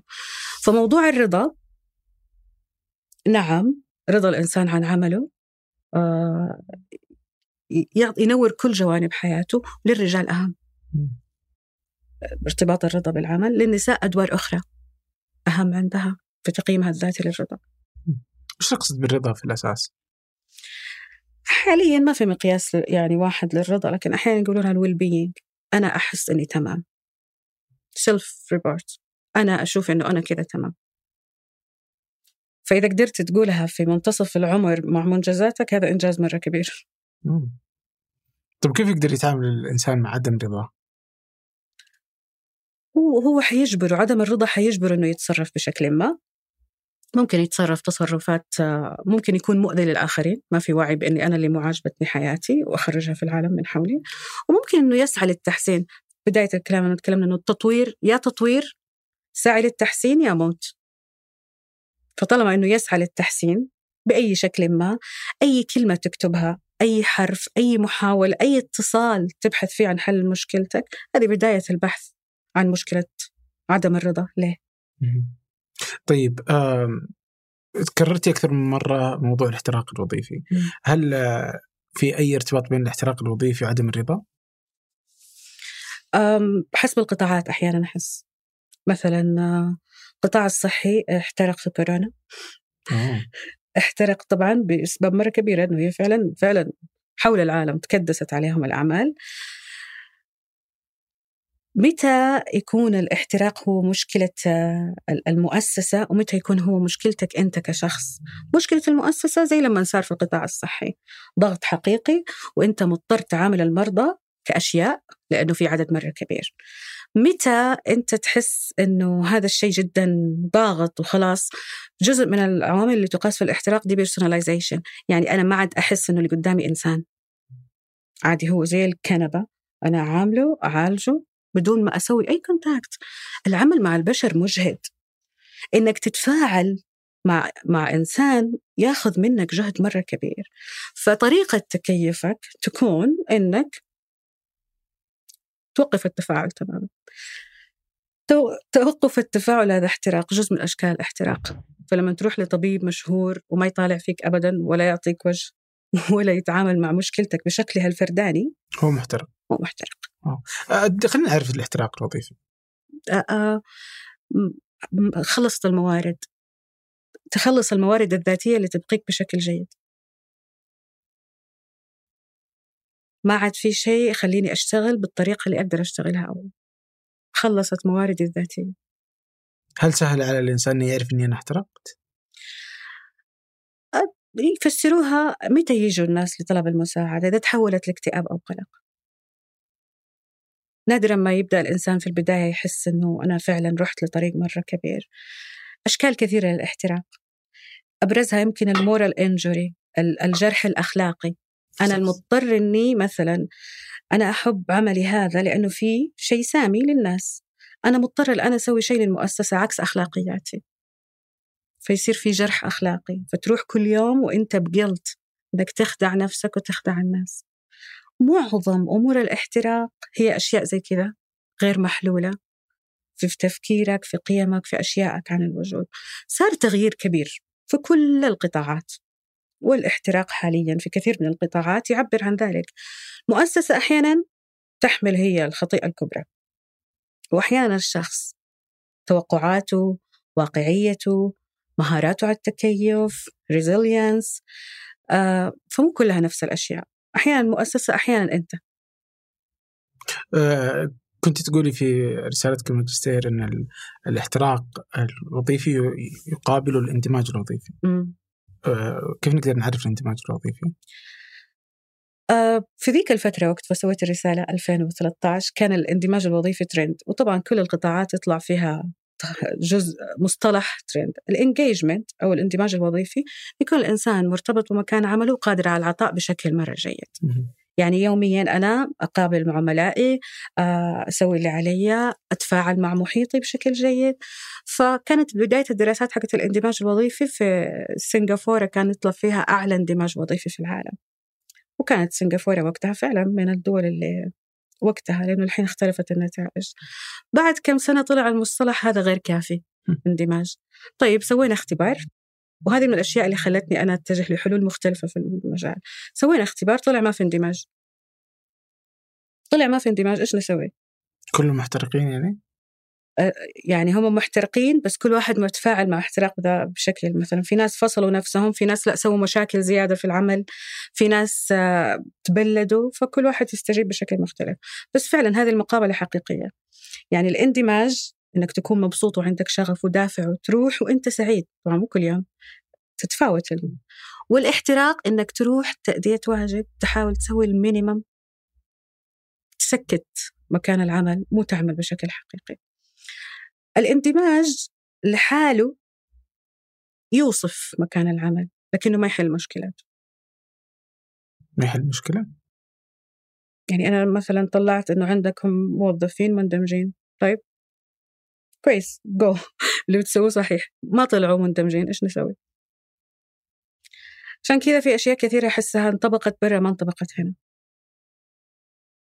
حيطلع لي الاندماج. الآن وزارة الموارد البشرية تسوي تسوي اختبار الاندماج مجانا لكل المؤسسات الحكومية. بس. طيب طلع التقرير بعدين. مش مفترض. مفترض إنه إذا كان منخفض تبدأ بتسوي استشارات وحلول للمشكلة هذه تغير القائد تسوي أي شيء. آخر حل هو تغيير القائد لأنه لازم في أشياء كثيرة قبلها. آه اللي يصير إنه ما حد يعرف يقرأ التقرير أصلا. سوينا الاختبار والشركات الاستشارية جاية تسوي اختبارات الاندماج بمبالغ كبيرة بس بدون خطة. طيب. بعدين اللي بعده. فحسيت إنه الاندماج ال- ال- مشكلة الاندماج إنه لا يمكن تعريفه أو لا يمكن الوصول منه إلى حل لمكان العمل. وفي أشياء ثانية أهم إنك تقيسها. مو زي الاحتراق زي وضوح الأدوار زي كفاءة القيادة. فصار في كم مقياس ثاني أعتمدهم أكثر لما أبغى أقيم المكان لما بسوي له زي تشخيص عشان أعرف الحل فين طيب كيف يقدر يعرف المدير آه، أن الموظف اللي أمامه آه، احترق؟ آه مؤشر الأساس للاحتراق برا طبعا الدراسات هذه.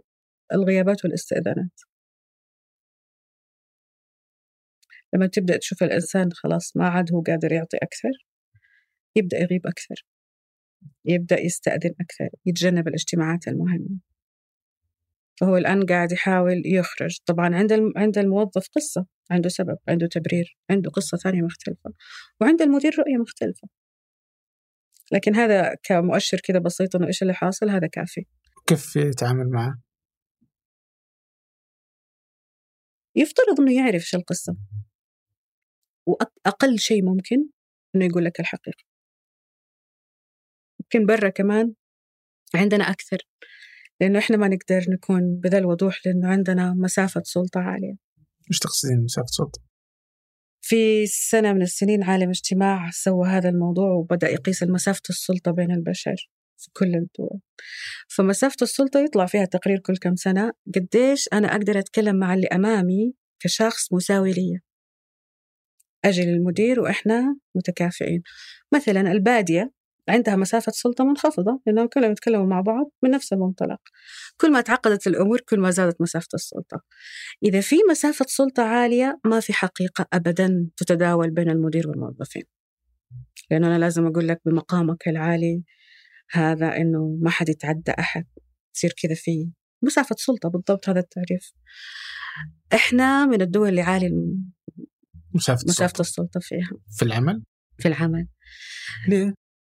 لأنه مثلا مسافة السلطة إذا غاب المدير مستحيل أحد يأخذ مهماته لأنه فيها مساءلة. فكل واحد محافظ على مسافة حوله. ما حد يدخل فيها على بوزيشن أحد. كانت دائما أسمعها فيدباك من المستشارين الأجانب أنه ليه تخافوا؟ ليه ما لأنه فعلا إحنا مرة نخاف من الملامة. هذا بمقامه الكبير فما حغلط عليه. عشان كذا يقول لك لما ندمج أدوار الأب مع الأخ مع السلطة ونحولها لمكان العمل. طب المفروض مديري يشكرني إني بادرت إذا غاب. لكن لا لو غاب شهر خلاص ما في شغل. ما تسمعها دائما مديري غايب معناها ما في شغل. فمسافة السلطة ما تخولنا أننا نتكلم بوضوح. إسرائيل مسافة سلطة منخفضة قد كده. كل ما في تقدم في أي مكان تنخفض مسافة السلطة فيشتغلوا الناس بصدق أكثر مع بعض لصالح العمل بدون حماية كذا للذات. هل هذا دور مسافة السلطة دور الإدارات ولا هو في دور المنظومة العامة؟ آه أول شيء هي ثقافة. يعني أنت ممكن تجي أكيد إنه أي أحد درس برا يتفاجأ لما البروفيسور يقول نادوني فلان. وهذا الشيء فاجأني أنا في مجتمع رواد الأعمال فقط إنهم أول مجتمع في السعودية يتكلم مع بعض ببساطة. وهم فعلا ينجزون بناء على هذا البساطة في التعامل. ثقافتنا العربية ما كان فيها مسافة سلطة. إحنا ننادي بعض بدون هذه الألقاب. استوردناها من الثقافة التركية أحيانا من الثقافة الثقافة التركية المؤثرة على الثقافة المصرية. آه، استوردناها أحيانا من الفارسية. بس إحنا كعرب ابتداء ما عندنا مسافة السلطة الكبيرة هذه. فدايما تخاف. مثلا في الجامعة زي هنا زملائك في الإعداد بدأوا معايا بكلمة دكتورة. ليه؟ لأنه لو ما طلعت دكتورة حأزعل. هذا المتوقع. إيه. إنه أي إنسان ما تناديه بالألقاب المهمة حيعتبرك تعديت على مسافة السلطة هذه. فإحنا الشهادة نعتبرها مسافة سلطة أعلى. ما نعتبرها علم فقط. نعتبرها مسافة سلطة والمنصب مسافة سلطة. فبالتالي يصير في هرم ما في ما يصير هرم حتى عمود يصير المنصب مسافة السلطة تخولنا نكون غير صادقين مع بعض. في مكان العمل ما يهم بقية الأمور ما حتأثر زي ما يأثر مكان العمل. لما المديري ما يسمع فيدباك حقيقي لما نسوي عصف ذهني ولا أحد يقول اللي عنده إيش نسوي إحنا في مكان العمل؟ هذا اللي اللي اللي خلى كثير ناس تجد حرية في في الشركات الناشئة والريادية. لأنها مقلصة مسافة السلطة هذه. أقدر أكون أنا بشكلي الطبيعي طبعا يقدر واحد شخص يغير مسافة السلطة. كيف؟ القائد في أي مؤسسة. ينشر ثقافة مختلفة. الثقافة ما هي شيء تقوله يعني ما تقدر تدخل اليوم وتقول أنا بغير ثقافة المؤسسة. شيء تتصرفوا هم حيجربوا الناس حيختبروا. حيتكلموا معاك ايكوال حيشوفوك ما عجبك. حيوقفوا حيتغيروا حيقربوا منك الناس اللي يعطوك سلسلة ألقاب. صاحب المقام العظيم ومن غير تعدي على المقامات. كثير من الألفاظ اللي زي كذا نحافظ فيها على مسافة وهمية. طب حتى أحيانا بين الأخوان لما أنت ما تقدر تنادي أخوك الكبير إلا. بلقب أنت تحط مسافة ليه؟ بلقب لما أقول أبو فلان ولا؟ لا سيب أبو فلان هذه عادي أحسها ما يعني. آه. بس في أشياء أكثر في في بعض الثقافات لازم أقول له أستاذ داخل البيت أحيانا أستاذ أو دكتور. تخيل. كثير ناس إنه حتى في في في, في جروباتهم أقارب ولا غير أقارب ما يتكلموا إلا بالألقاب هذه اللي صنعوها. هل الطبيعي بين الناس اللي يعني لو نفترض إنك آه يعني أنت زعلتي ليش يقول دكتورة أو أنا ما زعلت بس صححت صححتي بس يعني كانت يعني آه، ملفتة بالنسبة لك ما قلت أستاذة م. قلت مو دكتور آه. في فرق بس لو دكتور وقال له وما نادى بدكتور هل يعتبر غلط؟ في ثقافتنا؟ إيش رأيك؟ يعني أتوقع يزعل بس بس بس ليش يزعل؟ مسافة السلطة أنت تعزينها لمسافة أنا أخذت الشهادة هذه عشان أنت تقول يا دكتور. يعني مو جالس أتعب أدرس في الخيط كانت صدمة أول يوم كان دكتور اسمه مارك. إيه. فقال كول مي مارك كانت صدمة إيش بهم؟ ليش هم ينادون بدون ألقاب؟ بعدين تعودنا على الموضوع فكان يحكينا هو الدكتور. كان جاي فيقول إنه يعني إنه إنه تختلفوا أنتم الشعوب الإيرانيين كذا يكلموني السعوديين كذا يكلموني الروس كذا يكلموني. فمو كلهم في بعضهم يقول يعطوني الألقاب كثيرة ويقفوا قدامي كذا. وفعلا هذا اللي يحصل. ملاحظته هو بناء على الشعوب كان حتى يعرف لغات مرة كبيرة. فعلا هذا اللي يحصل. نرجع من هنا نرجع من برا نرجع ننادي الناس بالألقاب. عشان خطر. ويمكن عادي. أتذكر كان في واحد من الكتب كيف كانوا يبغون يقيسون فهم شركة آه، على مستوى العالم موجودة. كيف وجدوا إنه في فروقات يعني حتى في تقديم المرئيات الفيدباك. فكان آه، إنه في شعوب تتقبل مرئيات بسهولة. في شعوب يجب إنك تقدم قبلها ديباجه بعدين مدري شلون بعدين لازم تقول الأشياء الجيدة بعدين الأشياء السيئة بعدين تختم بالاشياء الجيدة.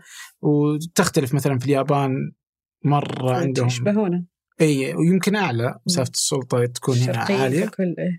آه بينما مثلا في آه، هولندا ولا في ألمانيا في وضوح. تكون مرة يعني أي الثقافات الشرقية ككل فيها مسافة سلطة فيها عالم ومتعلم فيها فيها شيء كبير شيء صغير لازم. آه الثقافات الأوروبية أقل والأمريكية هي اللي أقل وأقل وأقل. بس في في تلاقيها دائما سنويا تتغير مسافة السلطة كيف تغيرت في كل مكان.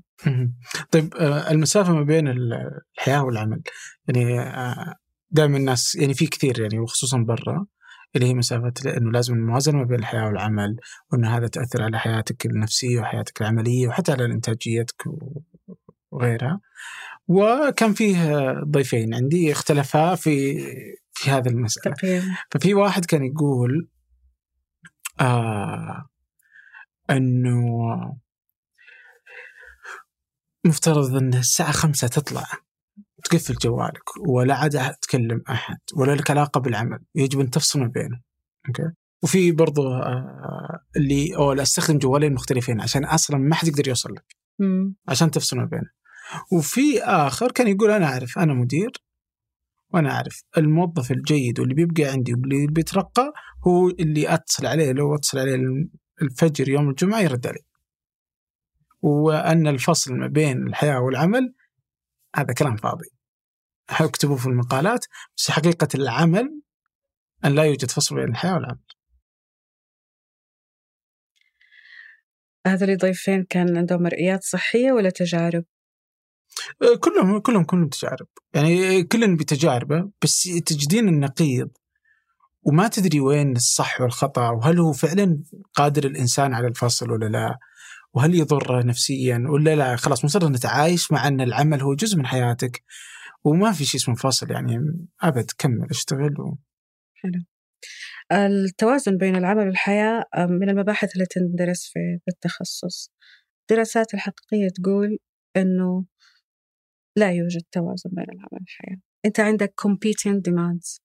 عندك فترات تشتغل فيها مرة وفترات لازم ترتاح. فاللي يركز عليه الموضوع المنظور الصحي إنك تاخذ إجازة. ما تشتغل كم سنة ورا بعض بدون إجازات لأنه هذا ممكن يخليك عرضة أكبر لأمراض القلب لضغط لاحتراق لأشياء كثيرة. لكن بالنسبة لي لا هذا صح ولا هذا صح. م. ليش؟ آه ما في هذه القدرة إنك تفصل تماما بعد الساعة خمسة في كل الأعمال. أنت إذا كنت مدير هذا وإذا كنت صاحب عمل خاص وإذا كنت قائد أساسا لما تصير قائد في جهة عليا أنت راح تنسى الراحة سنين. راح تنساها حتى نوع إجازاتك حيكون مختلف.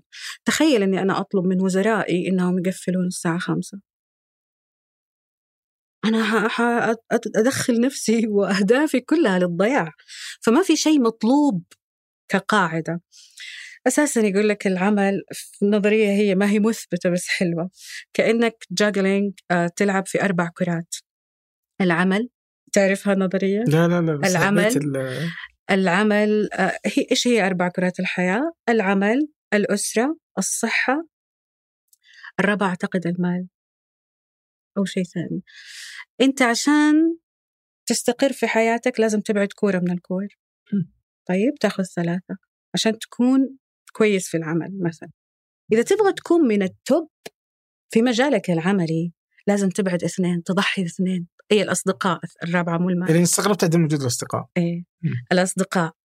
فأنت ممكن عشان تكون محافظ على صحتك حتكون مضحي بأصدقائك أو مضحي بعائلتك. بعائلتك.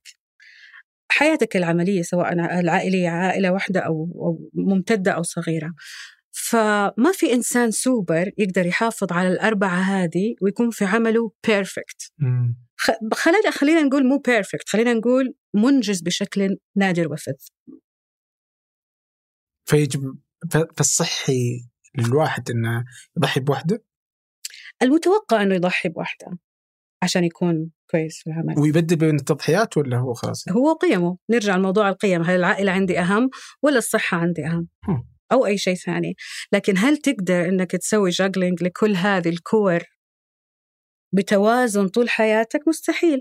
مثلا طبيعي أنه الأمهات في فترة التربية حتكون المهنة ما هي أولوية. طبيعي جدا. حتصير هي تشتغل بس مو كل مخها مع العمل. لأنه في متطلب أساسي الآن آخذ عقلها. طبيعي إنه الإنسان في مرحلة ما مرحلة الماستر ما حيكون العمل مهم. كل مرة أنت حتحط أولوية مختلفة. بس ما تقدر تحافظ على الأربعة لازم تضحي.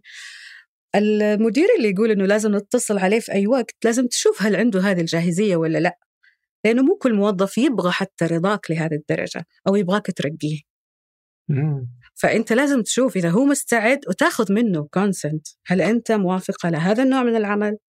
وبالتالي جو يبدو إنه إذا ما هو موافق إنه بيفصل. فبتكون النتيجه واضحة. ممكن هذا يكون عنده محترقين كثير بس إنجازات كثيرة. يمكن. إيه على الاحتراق يعني كان عندي سؤال قبل نطلع منه. آه، دائما يجي في بالي أن علاج الاحتراق هو الإجازة. لا. لا لا. علاج الاحتراق تغيير مفاهيمك عن نفسك عن الحياة. ولادة جديدة للذات. دائما بعد هذه الأزمة تختلف كشخص. تتأكد من أولوياتك. أنا الآن أبغى التقدم المهني ولا أبغى وقت فراغ لعائلتي؟ أنا الآن أبغى مصدر دخل أفضل ولا أبغى position أفضل ولا أبغى recognition اجتماعي. علاج الاحتراق هو جلسات جيدة مع الذات. وتغير أولوياتك فيها. هل الاحتراق يعني جزء من دورتك من دورة آه، حياتية؟ فيعني أنت تبدأ عادي بعدين تشوش بعدين إلى أن تحترق تولع تطفى ترجع إنسان عادي وهكذا ولا هي مرة تصير لك وتعيد مثلا إنك تعيد فهم قيمك وتتصالح معها؟ نادرا من إنها حسب الشدة احتراق الكبير نادرا ما تتكرر لأنك حتدخل أزمة تتجنبها بعد كذا. لكن مثلا آه، أزمة منتصف العمر الأولى على عمر 27 يسموها الآن خرجت وتخرجت ولقيت المهنة ما تشبع شيء وتدخل في أزمة. هل هذا الطريق اللي أبغى أجلس فيه؟ هل هذا الطريق اللي أبغى أستمر فيه؟ هل هذا المستوى اللي التفاعل بين العمل وال... هل هذا اللي درست عشانه؟ في أزمة ثانية ممكن تحصل بعد الأربعين يعني تقريبا من 45 ل 60 أنا غير مقدر كفاية من الصغار. الصغار الآن عندهم مهارات أعلى. أنا أستبعد. فتبدأ أزمة ثانية. هل حأقبل الاستبعاد وأركز على العائلة؟ ولا حأنافس وأزيد من مهاراتي؟ غالبا في هذه العمرين. وفي الحين أزمة مقتبل العمر. يعني الأزمات لا تنتهي في هذه الحياة. تقريبا هي مقتبل العمر اللي على 25 27 آه. طيب آه ودي أعرف آه اليوم يعني نسبة النساء في آه، سوق العمل في السعودية زادت بشكل كبير يعني وصلنا يمكن إلى 35% تقريبا. أه وش التحديات؟ أبرز التحديات اللي تواجه النساء اليوم في سوق العمل؟ التحديات النفسية. أذكر في استشارة المؤسسية مع مجموعة من المؤسسات اللي أدخلت النساء حديثا. قال كلمة لخصت الوضع. يعني هي يمكن كلمة عامية بس مرة لخصت الوضع. قال يعني هي بنفس اللفظ اللي قال قال الحريم طبوا علينا طبوب. طبوب هذه أول مرة أسمعها الكلمة بس الفكرة إنه كثير من أماكن العمل تشوف النساء دخلاء طبيتوا فجأة. فلك أن تتخيل مستوى الصراع لما كل المؤسسة تشوفك دخيل. المرأة في مكان العمل اليوم في جزء منه جدا أنا أتفاعل معه وأتفاعل معه بكل جوارحي لكني عاجزة عن مساعدتهم في أي شيء. هي النساء في القرى النساء اللي يبحثوا عن فرص اللي يسووا كل اللازم أخذوا أي بلاس خلصوا البكالوريوسات في مناطق نائية وبدأوا العمل وما في مكان يشتغلوا فيه أو ما في شيء أو في عائلة تمنعهم. تجيني استشارات من الع... من كل القرى والأماكن في المملكة. أشعر بالعجز أمامهم لأنه ما في شيء أقدر أسويه. وفي نفس الوقت في ضغط. أذكر كلمة ما أنساها من واحدة مكافحة جدا ووصلت إن شاء الله لما ترغب أن تصل فيه. كانت تقول تمكين المرأة عندنا قرار سياسي. أنا لما جاء القرار إنه إنه منع أخويا ما قدر يقول لي لا. هي صحيح في قرية وتعلمت لكن وبذلت هذا الجهد. لكن قدرت تاخذ حقها. هذا الجزء من عمل المرأة لوائح وقوانين. يعني آه محتاج لسه الموضوع.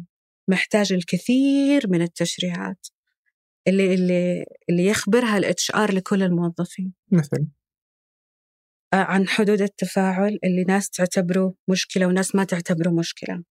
عن الأشياء عن ال code of conduct اللي يصير القاعدة اللي تصير في تعاملنا جميعا مع بعض. النساء صغارهم تقريبا اللي ما كان لهم خبرة مرة كثير انحطوا في صراع مرة كبير. انحطوا في صراع مرة كبير إنهم محتاجين إنهم يعملوا. ما في أحد ياخذ حقهم. لو تكلموا مع أي أحد في أي شيء حيتوقف العمل. فتحملوا صراعات مرة كثيرة تحملوا مشكلات مرة كثيرة. بدون ما يكون في جايدنس لا من المؤسسة ولا من الأماكن الثانية. فجأة أقحم وقحة طبوا طبوب على قوله. المشكلة الثانية في نساء للمرأة في مكان العمل التقديس. مش تقصدين؟ يعني حتاخذي كل شيء فقط لأنك امرأة. الإثنين فيها ظلم. زي ما أقول لك الصحة النفسية في مكان العمل هي عدالة. الإثنين فيها ظلم. ظلمي ظلم وتقديسي ظلم. كل هالاثنين ما تخدم العمل. كل هالاثنين يعني تجيني شكوى هو مدير بنفسه يتكلم يقول أنا ما أقدر إذا استأذنوا مني النساء أسمح لهم. إذا استأذنوا الرجال ما أقدر. فهذا ظلم. بس هو باعتقاد إنه كذا يساعد. هذا كان دوره في العائلة إنه يساعد النساء. فما يقدر يحولها شوية لحاجة مهنية. لا هو هذا المطلوب ولا هذا المطلوب بس يمكن الوقت كفيل بإنه يحسن الأوضاع. إيش المطلوب؟ مطلوب إنك تراعي كل إنسان بحسب ظروفه كل إنسان امرأة أو رجل. مطلوب إنه يكون في في جزء من عمل المرأة ما يحصل إلا بالكوتا والتمكين. يعني لازم تخلي نسبة. لأن النساء لا يدافعون بذات القوة. لما يكونوا مثلا القطاع الصحي من متى وفي نساء؟ من زمان. قديش في إدارات نسائية؟ ما أدري ما جدا قليل. م. فالنساء ما يمكنوا إلا بتمكين. لما يصير المدراء أنه لازم يكون 30% من القادة نساء. ينعطوا هذه الفرصة. حول العالم أنا ما أتكلم هنا بس أتوقع أنه هنا حتكون من باب أولى مع الحداثة حقت الموضوع. بس ما تعتقد أنه آه، فيه آه، تأثير سلبي على الإنتاج؟ يعني لما أنا أعطيك بس لأنك كذا بس لأنك امرأة بتصيري وزيرة لأن في كوتا ولا بتصيري مديرة لأن طبعا. الكوتا. هذا قمة الظلم. زين جاء ذاك يقول؟ الله يلعن الكوتا هذه قمة الظلم. كل كل الناس عندها موقف زي كذا شاعرين فيه إنه هذا ظلم. قمة الظلم إني أنا آخذ المكان فقط عشان الكوتا لكن إذا تقدمت حتى ظلم للنساء يعني. حتى للنساء وللرجال. لكن إذا تقدمت إذا تقدمت مع مجموعة يعني ممكن أنت تفتح position وما يقدموا عليه نساء ساعتها أنت في safe لكن لما يقدموا النساء بس الرجال يكافحوا أكثر عشان يكونوا في ذا المكان أنت هنا تعطي النساء فرصة لأنهم ما حيكافحوا بنفس الطريقة. وش يمنع النساء من الكفاح؟ طبيعة نسائية. طبيعة أكثر أجريبل في الشخصية يعني أكثر مسايرة طبيعة مجتمعية ولا إنسانية إنسانية؟ في النساء إنه يكونون أكثر أجريبلنس يعني أكثر مسايرة فبالتالي هي ما حتنافح بذات القوة. أو ما حتخالف بهذه القوة وإن كان في نساء كثير طبعا ما ينطبق عليهم واستطاعوا أنهم يكونوا مختلفين لتحقيق أهداف ثانية. طيب كيف تتعامل المرأة اليوم في ظل هذه التحديات؟ والله رحلة تعلم ذاتية مرة طويلة.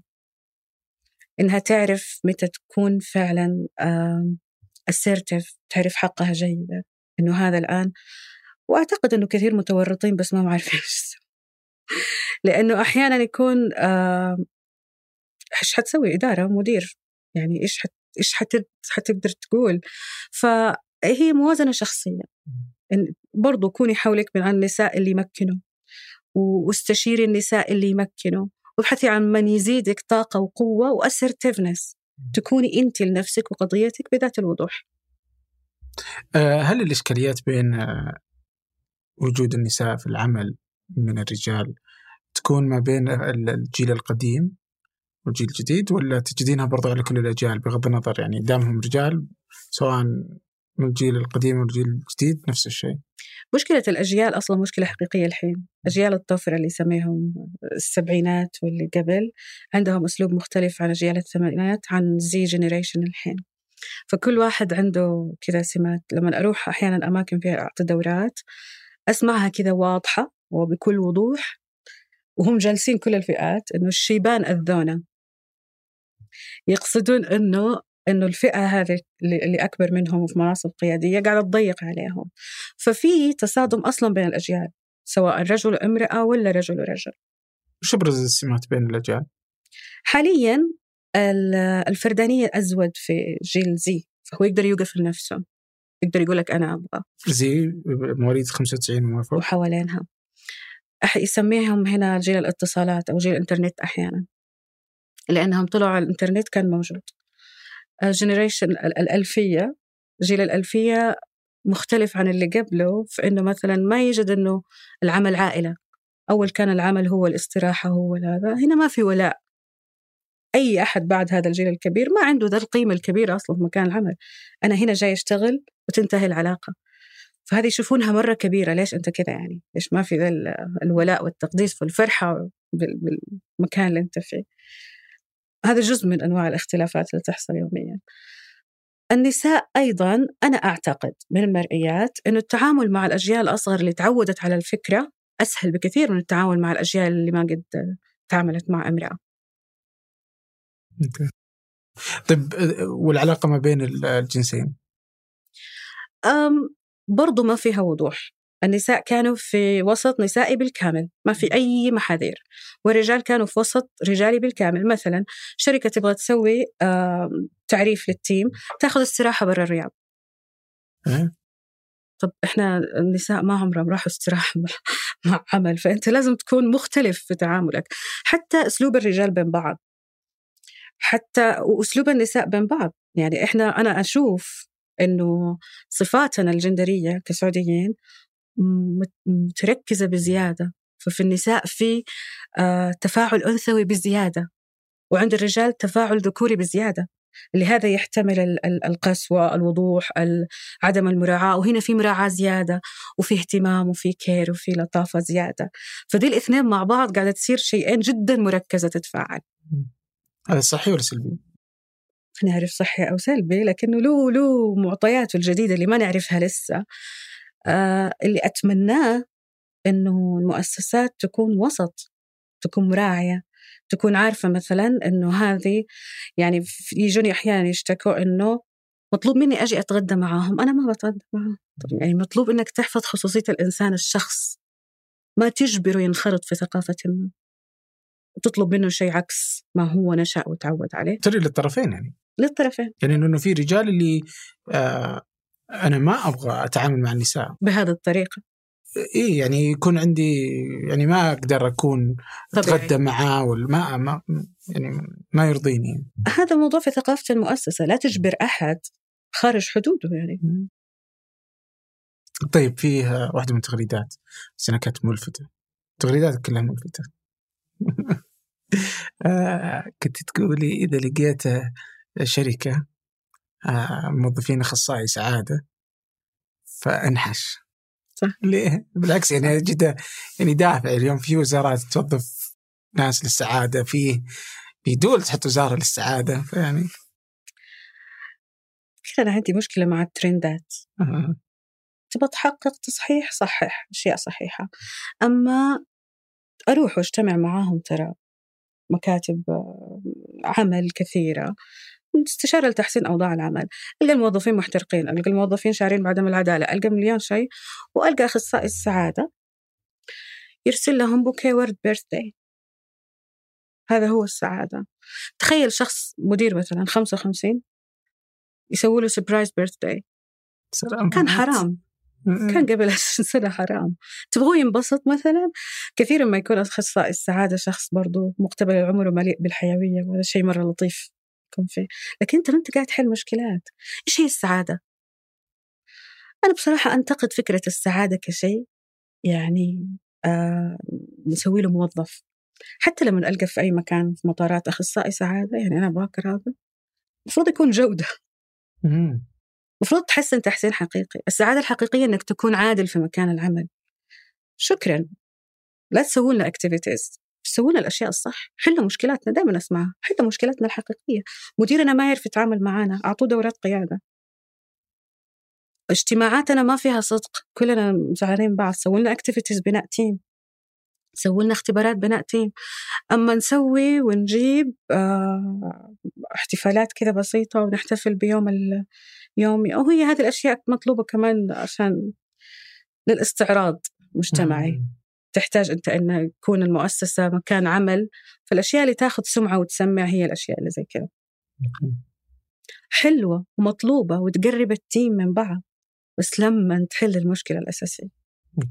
طيب آه على المش... يعني آه على المشاكل آه تخصصكم كله مشاكل؟ صحيح.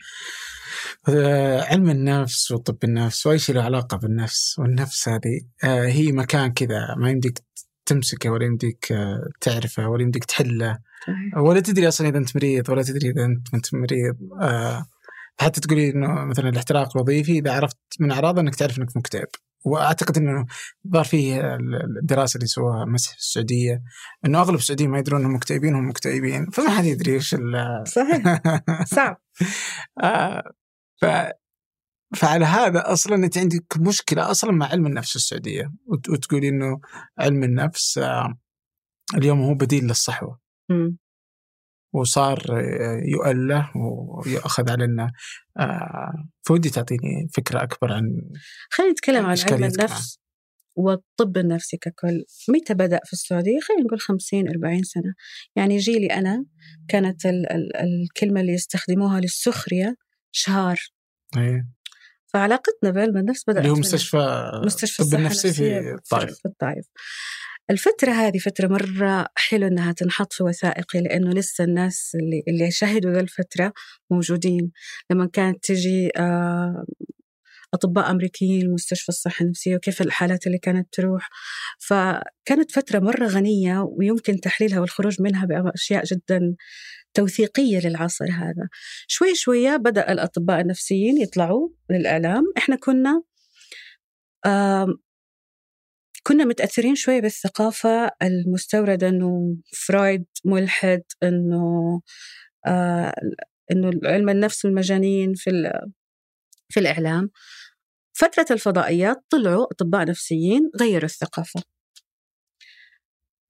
بعضهم كان نصف واعظ نصف طبيب.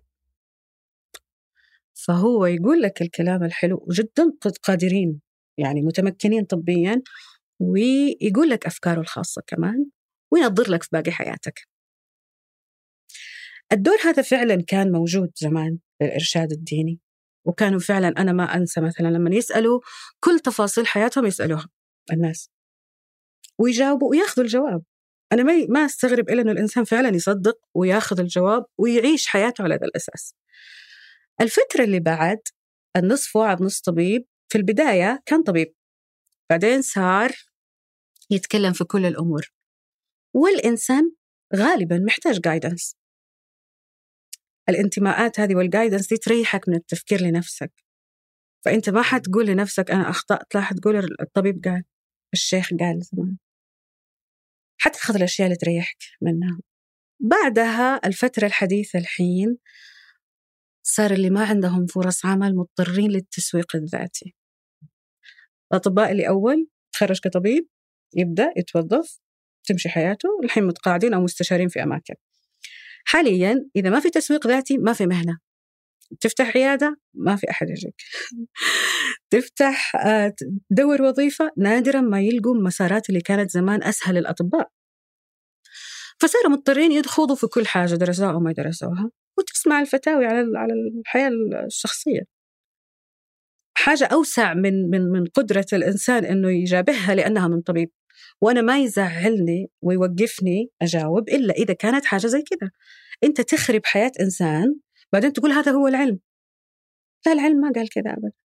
فلا تأخذ الدور اللي ما هو اللي أعطي لك من المجتمع. حتى لو كان المجتمع أعطاك أنت تكون نزيه تجاه العلم أنك تكون صادق. عندنا في مرة إشكاليات كثيرة في الموضوع. عندي مشكلة ثانية مع الأكاديميين وعندي مشكلة مع الأكاديميين جدا كبيرة. لأنهم بس يخوفوهم. بس يخوفوا هذه قوانين الممارسة هذه أصول الممارسة. طيب دربتوهم؟ درستوهم صح؟ أعطيتوهم مسار؟ خلصوا كل الفرص. سووا كل اللي عليهم وطلعوا ما هم عارفين خرجوا ما هم عارفين شو يسوون. فايش إيش الفائدة من هذا الصراخ؟ طبعا الجامعات عالم آخر يعني تدخل وتخرج ما تعرف شو القصة. مشكلتي مع الأطباء هو الفتوى في كل شيء حتى في مجالي الآن كلهم يسوون في الصحة النفسية على أساس إنها أمراض نفسية. طب الصحة النفسية في مكان العمل ما هي أمراض نفسية. أمراض نفسية في الطبيب. زي ما تكلمنا عدالة وشخصية وقيادة. آه. شيء مختلف. فإنك أنت تاخذ كل الأدوار بمسمى إنك طبيب مشكلة. نيجي للأخصائي وتدريب الأخصائي. أنا أساسا مشكلتي دائما مع مع مع القطعية بأشياء ظنية. مثل إيش؟ قوانين الممارسة زي كذا. ما في شيء اسمه آه علاج كذا كذا. يا أخي ما تعرف ما اطلعت. آخر update عندك قبل 30 سنة. ما تعرف. فإذا ما تعرف لا تحكم لا تضيع الناس. أو مثلا هذا قبل كم يوم التغريده وكانت مرة تسهل إنه علامات الحياة الزوجية السامة. فيمسكوا الناس في كلمة زي كذا. okay حياتي سامة قفلنا الكتاب يلا ناخذ قرار على هذا الأساس. طب أنت أساسا لو شرحتها زي ما هي في الكتب والله ما تخطأ بالأخطاء. بس الفتاوي اللي حوالينها هي اللي تحطها في ذا الموضوع اللي يخرب حياة الناس يعني لو شرحها زي ما هي في الكتب ما بتجيب ريتويت بالضبط والاضطرار للتسويق الذاتي يعني حاجة تواجه المجتمع ككل ف طيب بس آه، هي المشكلة إيش؟ إنه متى متى أسلم له؟ متى أسمع كلامه؟ ومتى أقول لا يعني المفترض إني ما أسمع كلامه. أوكي، أنت أصلا تسلم لأحد ليه؟ اختبارك يقول عندك نزعة حرية أصلا ما تسلم لأحد. فأنت مشكك أصلا فما حتقبل من كلام من أي طبيب إنه هو كلام نهائي. لكن تسلم كإنسان ككائن كقارئ لهذا الطبيب تسلم لأي أحد له. تختبر المعلومة لازم تختبرها. تشوف تدريب هذا الدكتور قبل لا يفتيك في شيء ما. تدريب مو كلهم مثلا يعرفوا آه أكثر شيء كان في فتاوي ال marriage therapy قليل اللي عندنا متخصصين marriage therapy وساكتين. في العلاقات الزوجية؟ إيه. آه بس كل الأطباء النفسية يتكلمون في ال marriage therapy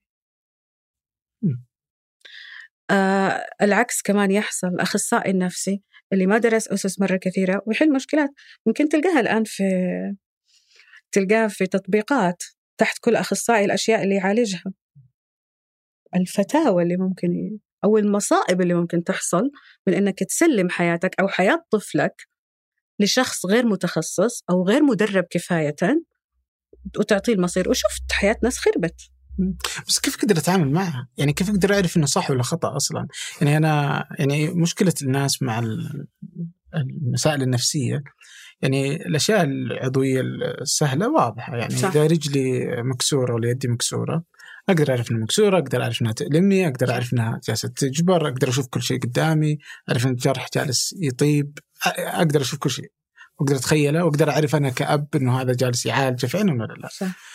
بس في الطب إنه ممكن أجيب بروفيسور وأقدر يعني الحين لو نتكلم بأسماء تقدر تجيبي واحد بأعلى درجات الشهادات الأكاديمية ومع ذلك ممكن يكيس ممكن يقول لي يعني كلام عادي فهل هو صح؟ هل هو غلط؟ يعني أنا لا الكفاءة مقياس ولا الشهادات مقياس ولا المعرفة والشهرة مقياس ولا أنا كأب إذا بعطي طفلي اوديه إلى طبيب بقدر أعرف إذا هو الطبيب صح ولا لا، هل كلامه صح ولا لا؟ تقدر أنت تاخذ ال minimum حق الكفاءة إذا كنت مرة ما عندك أحد تعرفه minimum الكفاءة هو تدريب مثلا أخصائي أطفال عنده شهادة تدريب 500 ساعة أو حوالينها في تدريب في علاج الأطفال أو في العلاج النفسي للأطفال. أخصائي كبار نفس الشيء. فتقدر تاخذ ال minimum. للأسف ولا جامعة الآن تسوي كذا. تسوي إيش؟ تعطيهم تدريب متخصص. جامعة الأميرة نورة فقط قسمين. في عندها قسمين علم النفس. بس قسم علم النفس في الكليات الصحية يعطيهم سنة امتياز التدريب. الباقيين كلهم يوصلوا للمعلومة بالصح والخطأ. آه. يتخرج بكالوريوس أو تخرج ثانوي أدبي دخل بكالوريوس علم النفس. تخرج درب أربع شهور في الهيئة.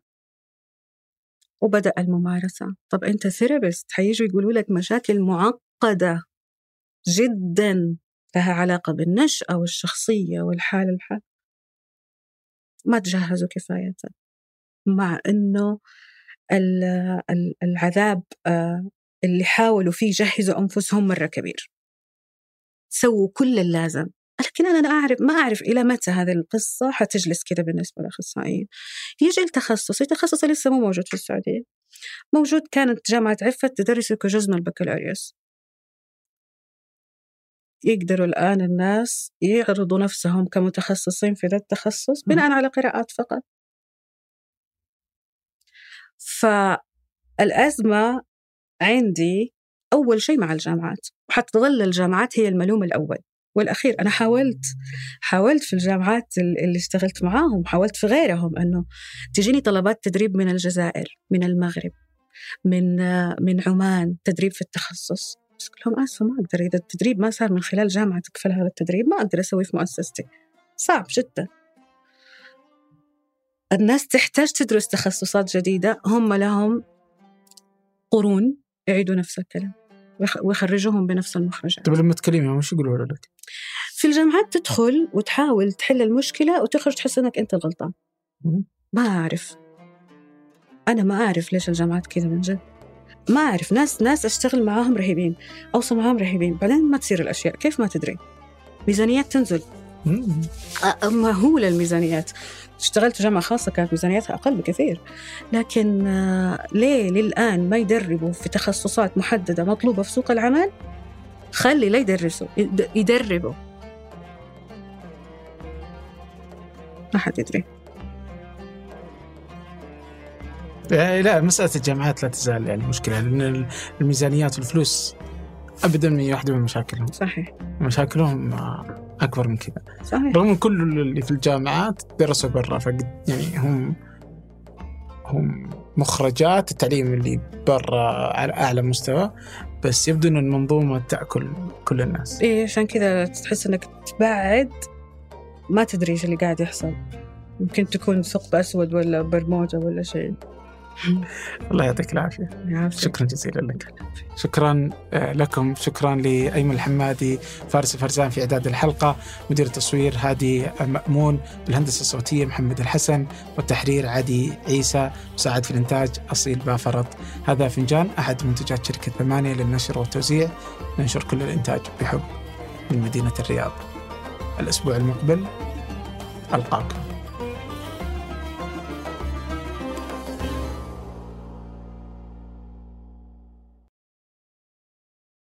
في اي إضافة؟ فارس أستاذ فارس أستاذ شوفي عشان نحط المسافة هذه.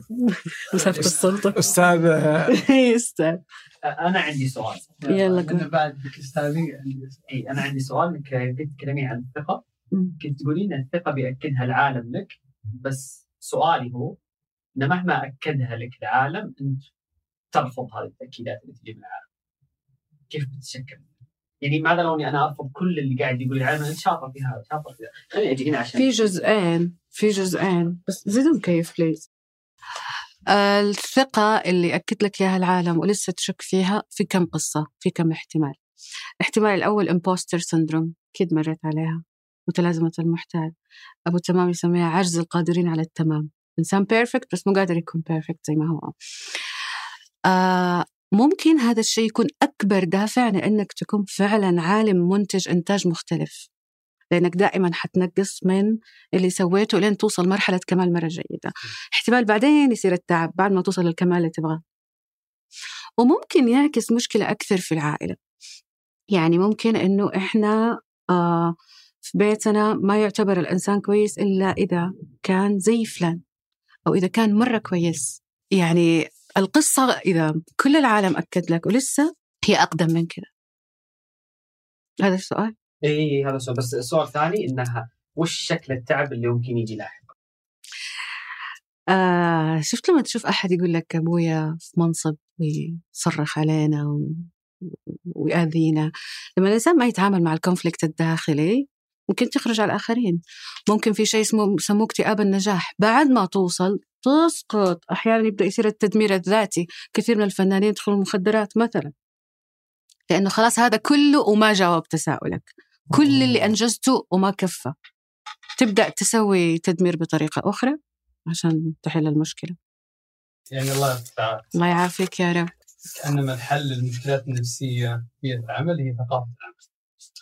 يجي في بالي آه كيف ممكن ثقافة العمل تساهم بارتياح الموظفين اللي عندهم اضطرابات نفسية آه حلو آه أول شيء إيش نوع الاضطرابات النفسية؟ يعني ما ودي أقول لك اضطراب عشان ما يصير يعني ودي طيب أنا أقول لك آه في أماكن كويس إنه الموظف يروح لمديره وكذا ويشرح له هذا القصة أحتاج منك ذا النوع من الدعم. وفي مدراء متسلطين لا تعطيهم طرف عليك. Okay؟ كشخص في مدراء بعض الأماكن لو تروح لهم تعطيهم بيمسكوك منها إلى يخرجوك. وهذه ثقافة موجودة كثير. فإذا كنت أنت في مكان تتوقع في تفهم وتتوقع أنهم يقدروا يتحايلوا على هذا لأنهم توصلوا للأداء المطلوب go و be open وهذا الطريقة اللي أحتاجها منك. هذا نوع الدعم اللي أحتاجه. أحيانا في هذا الشيء يتحقق وأحيانا ما يتحقق. بعض الأماكن تجيد يعني التعامل مع هذه الأشياء بعض الأماكن لا. لكن في القوانين السعودية في أشياء تكفل لكل إنسان يعاني نفسيا حقوق كاملة. يعني حتى إجازات آه بس مو لازم يفصح. فحسب المكان. آه طيب آه هذا سؤال. ما أدري إذا اجابه يعني واضحه ولا لا بس على سيرة الدراسة اللي تربط بين الرضا في الحياة والرضا في العمل آه ماذا لو إن الإنسان حياته سيئة؟ يعني هو عنده مشكلة مستعصية عن الحل. آه لكن عمله جيد. ولكن هو مو بجالس يشعر بالرضا في العمل لأن مصدر. إيه. مهما كان سوء حياة الإنسان يقدر بمساعدة أو غير مساعدة يوصل للمعادلة المريحة له. فما حتكون هذه السعادة ما حتكون ذي الرضا بس حتكون هذه المعادلة اللي أنا أقبل أعيش فيها وأبغى أعيش فيها. إذا الإنسان ما خرج من هذه الإطارات اللي تزيد ألمه خارج المنزل خارج العمل يوما ما حتختلط العالمين. حينتقل القلق اللي برا العمل للقلق داخل العمل. فيعني تحل مشكلاتك اللي تحصل خارج العمل لو بثيرابيست لو بأي شيء ممكن أحيانا العالم الإنسان أحيانا يدور العالم كله بحثا عن حل بحثا عن ذاته بيعرف نفسه أكثر. go و fix it go مهما تطلب الأمر. جو ودور كل الحلول الممكنة. إنك تدمج العالمين تحقق رضا أعلى أو تحقق سيطرة على الأقل. في أشياء ما نقدر نسوي فيها رضا بس نسوي control حقق ال control الله يعافيك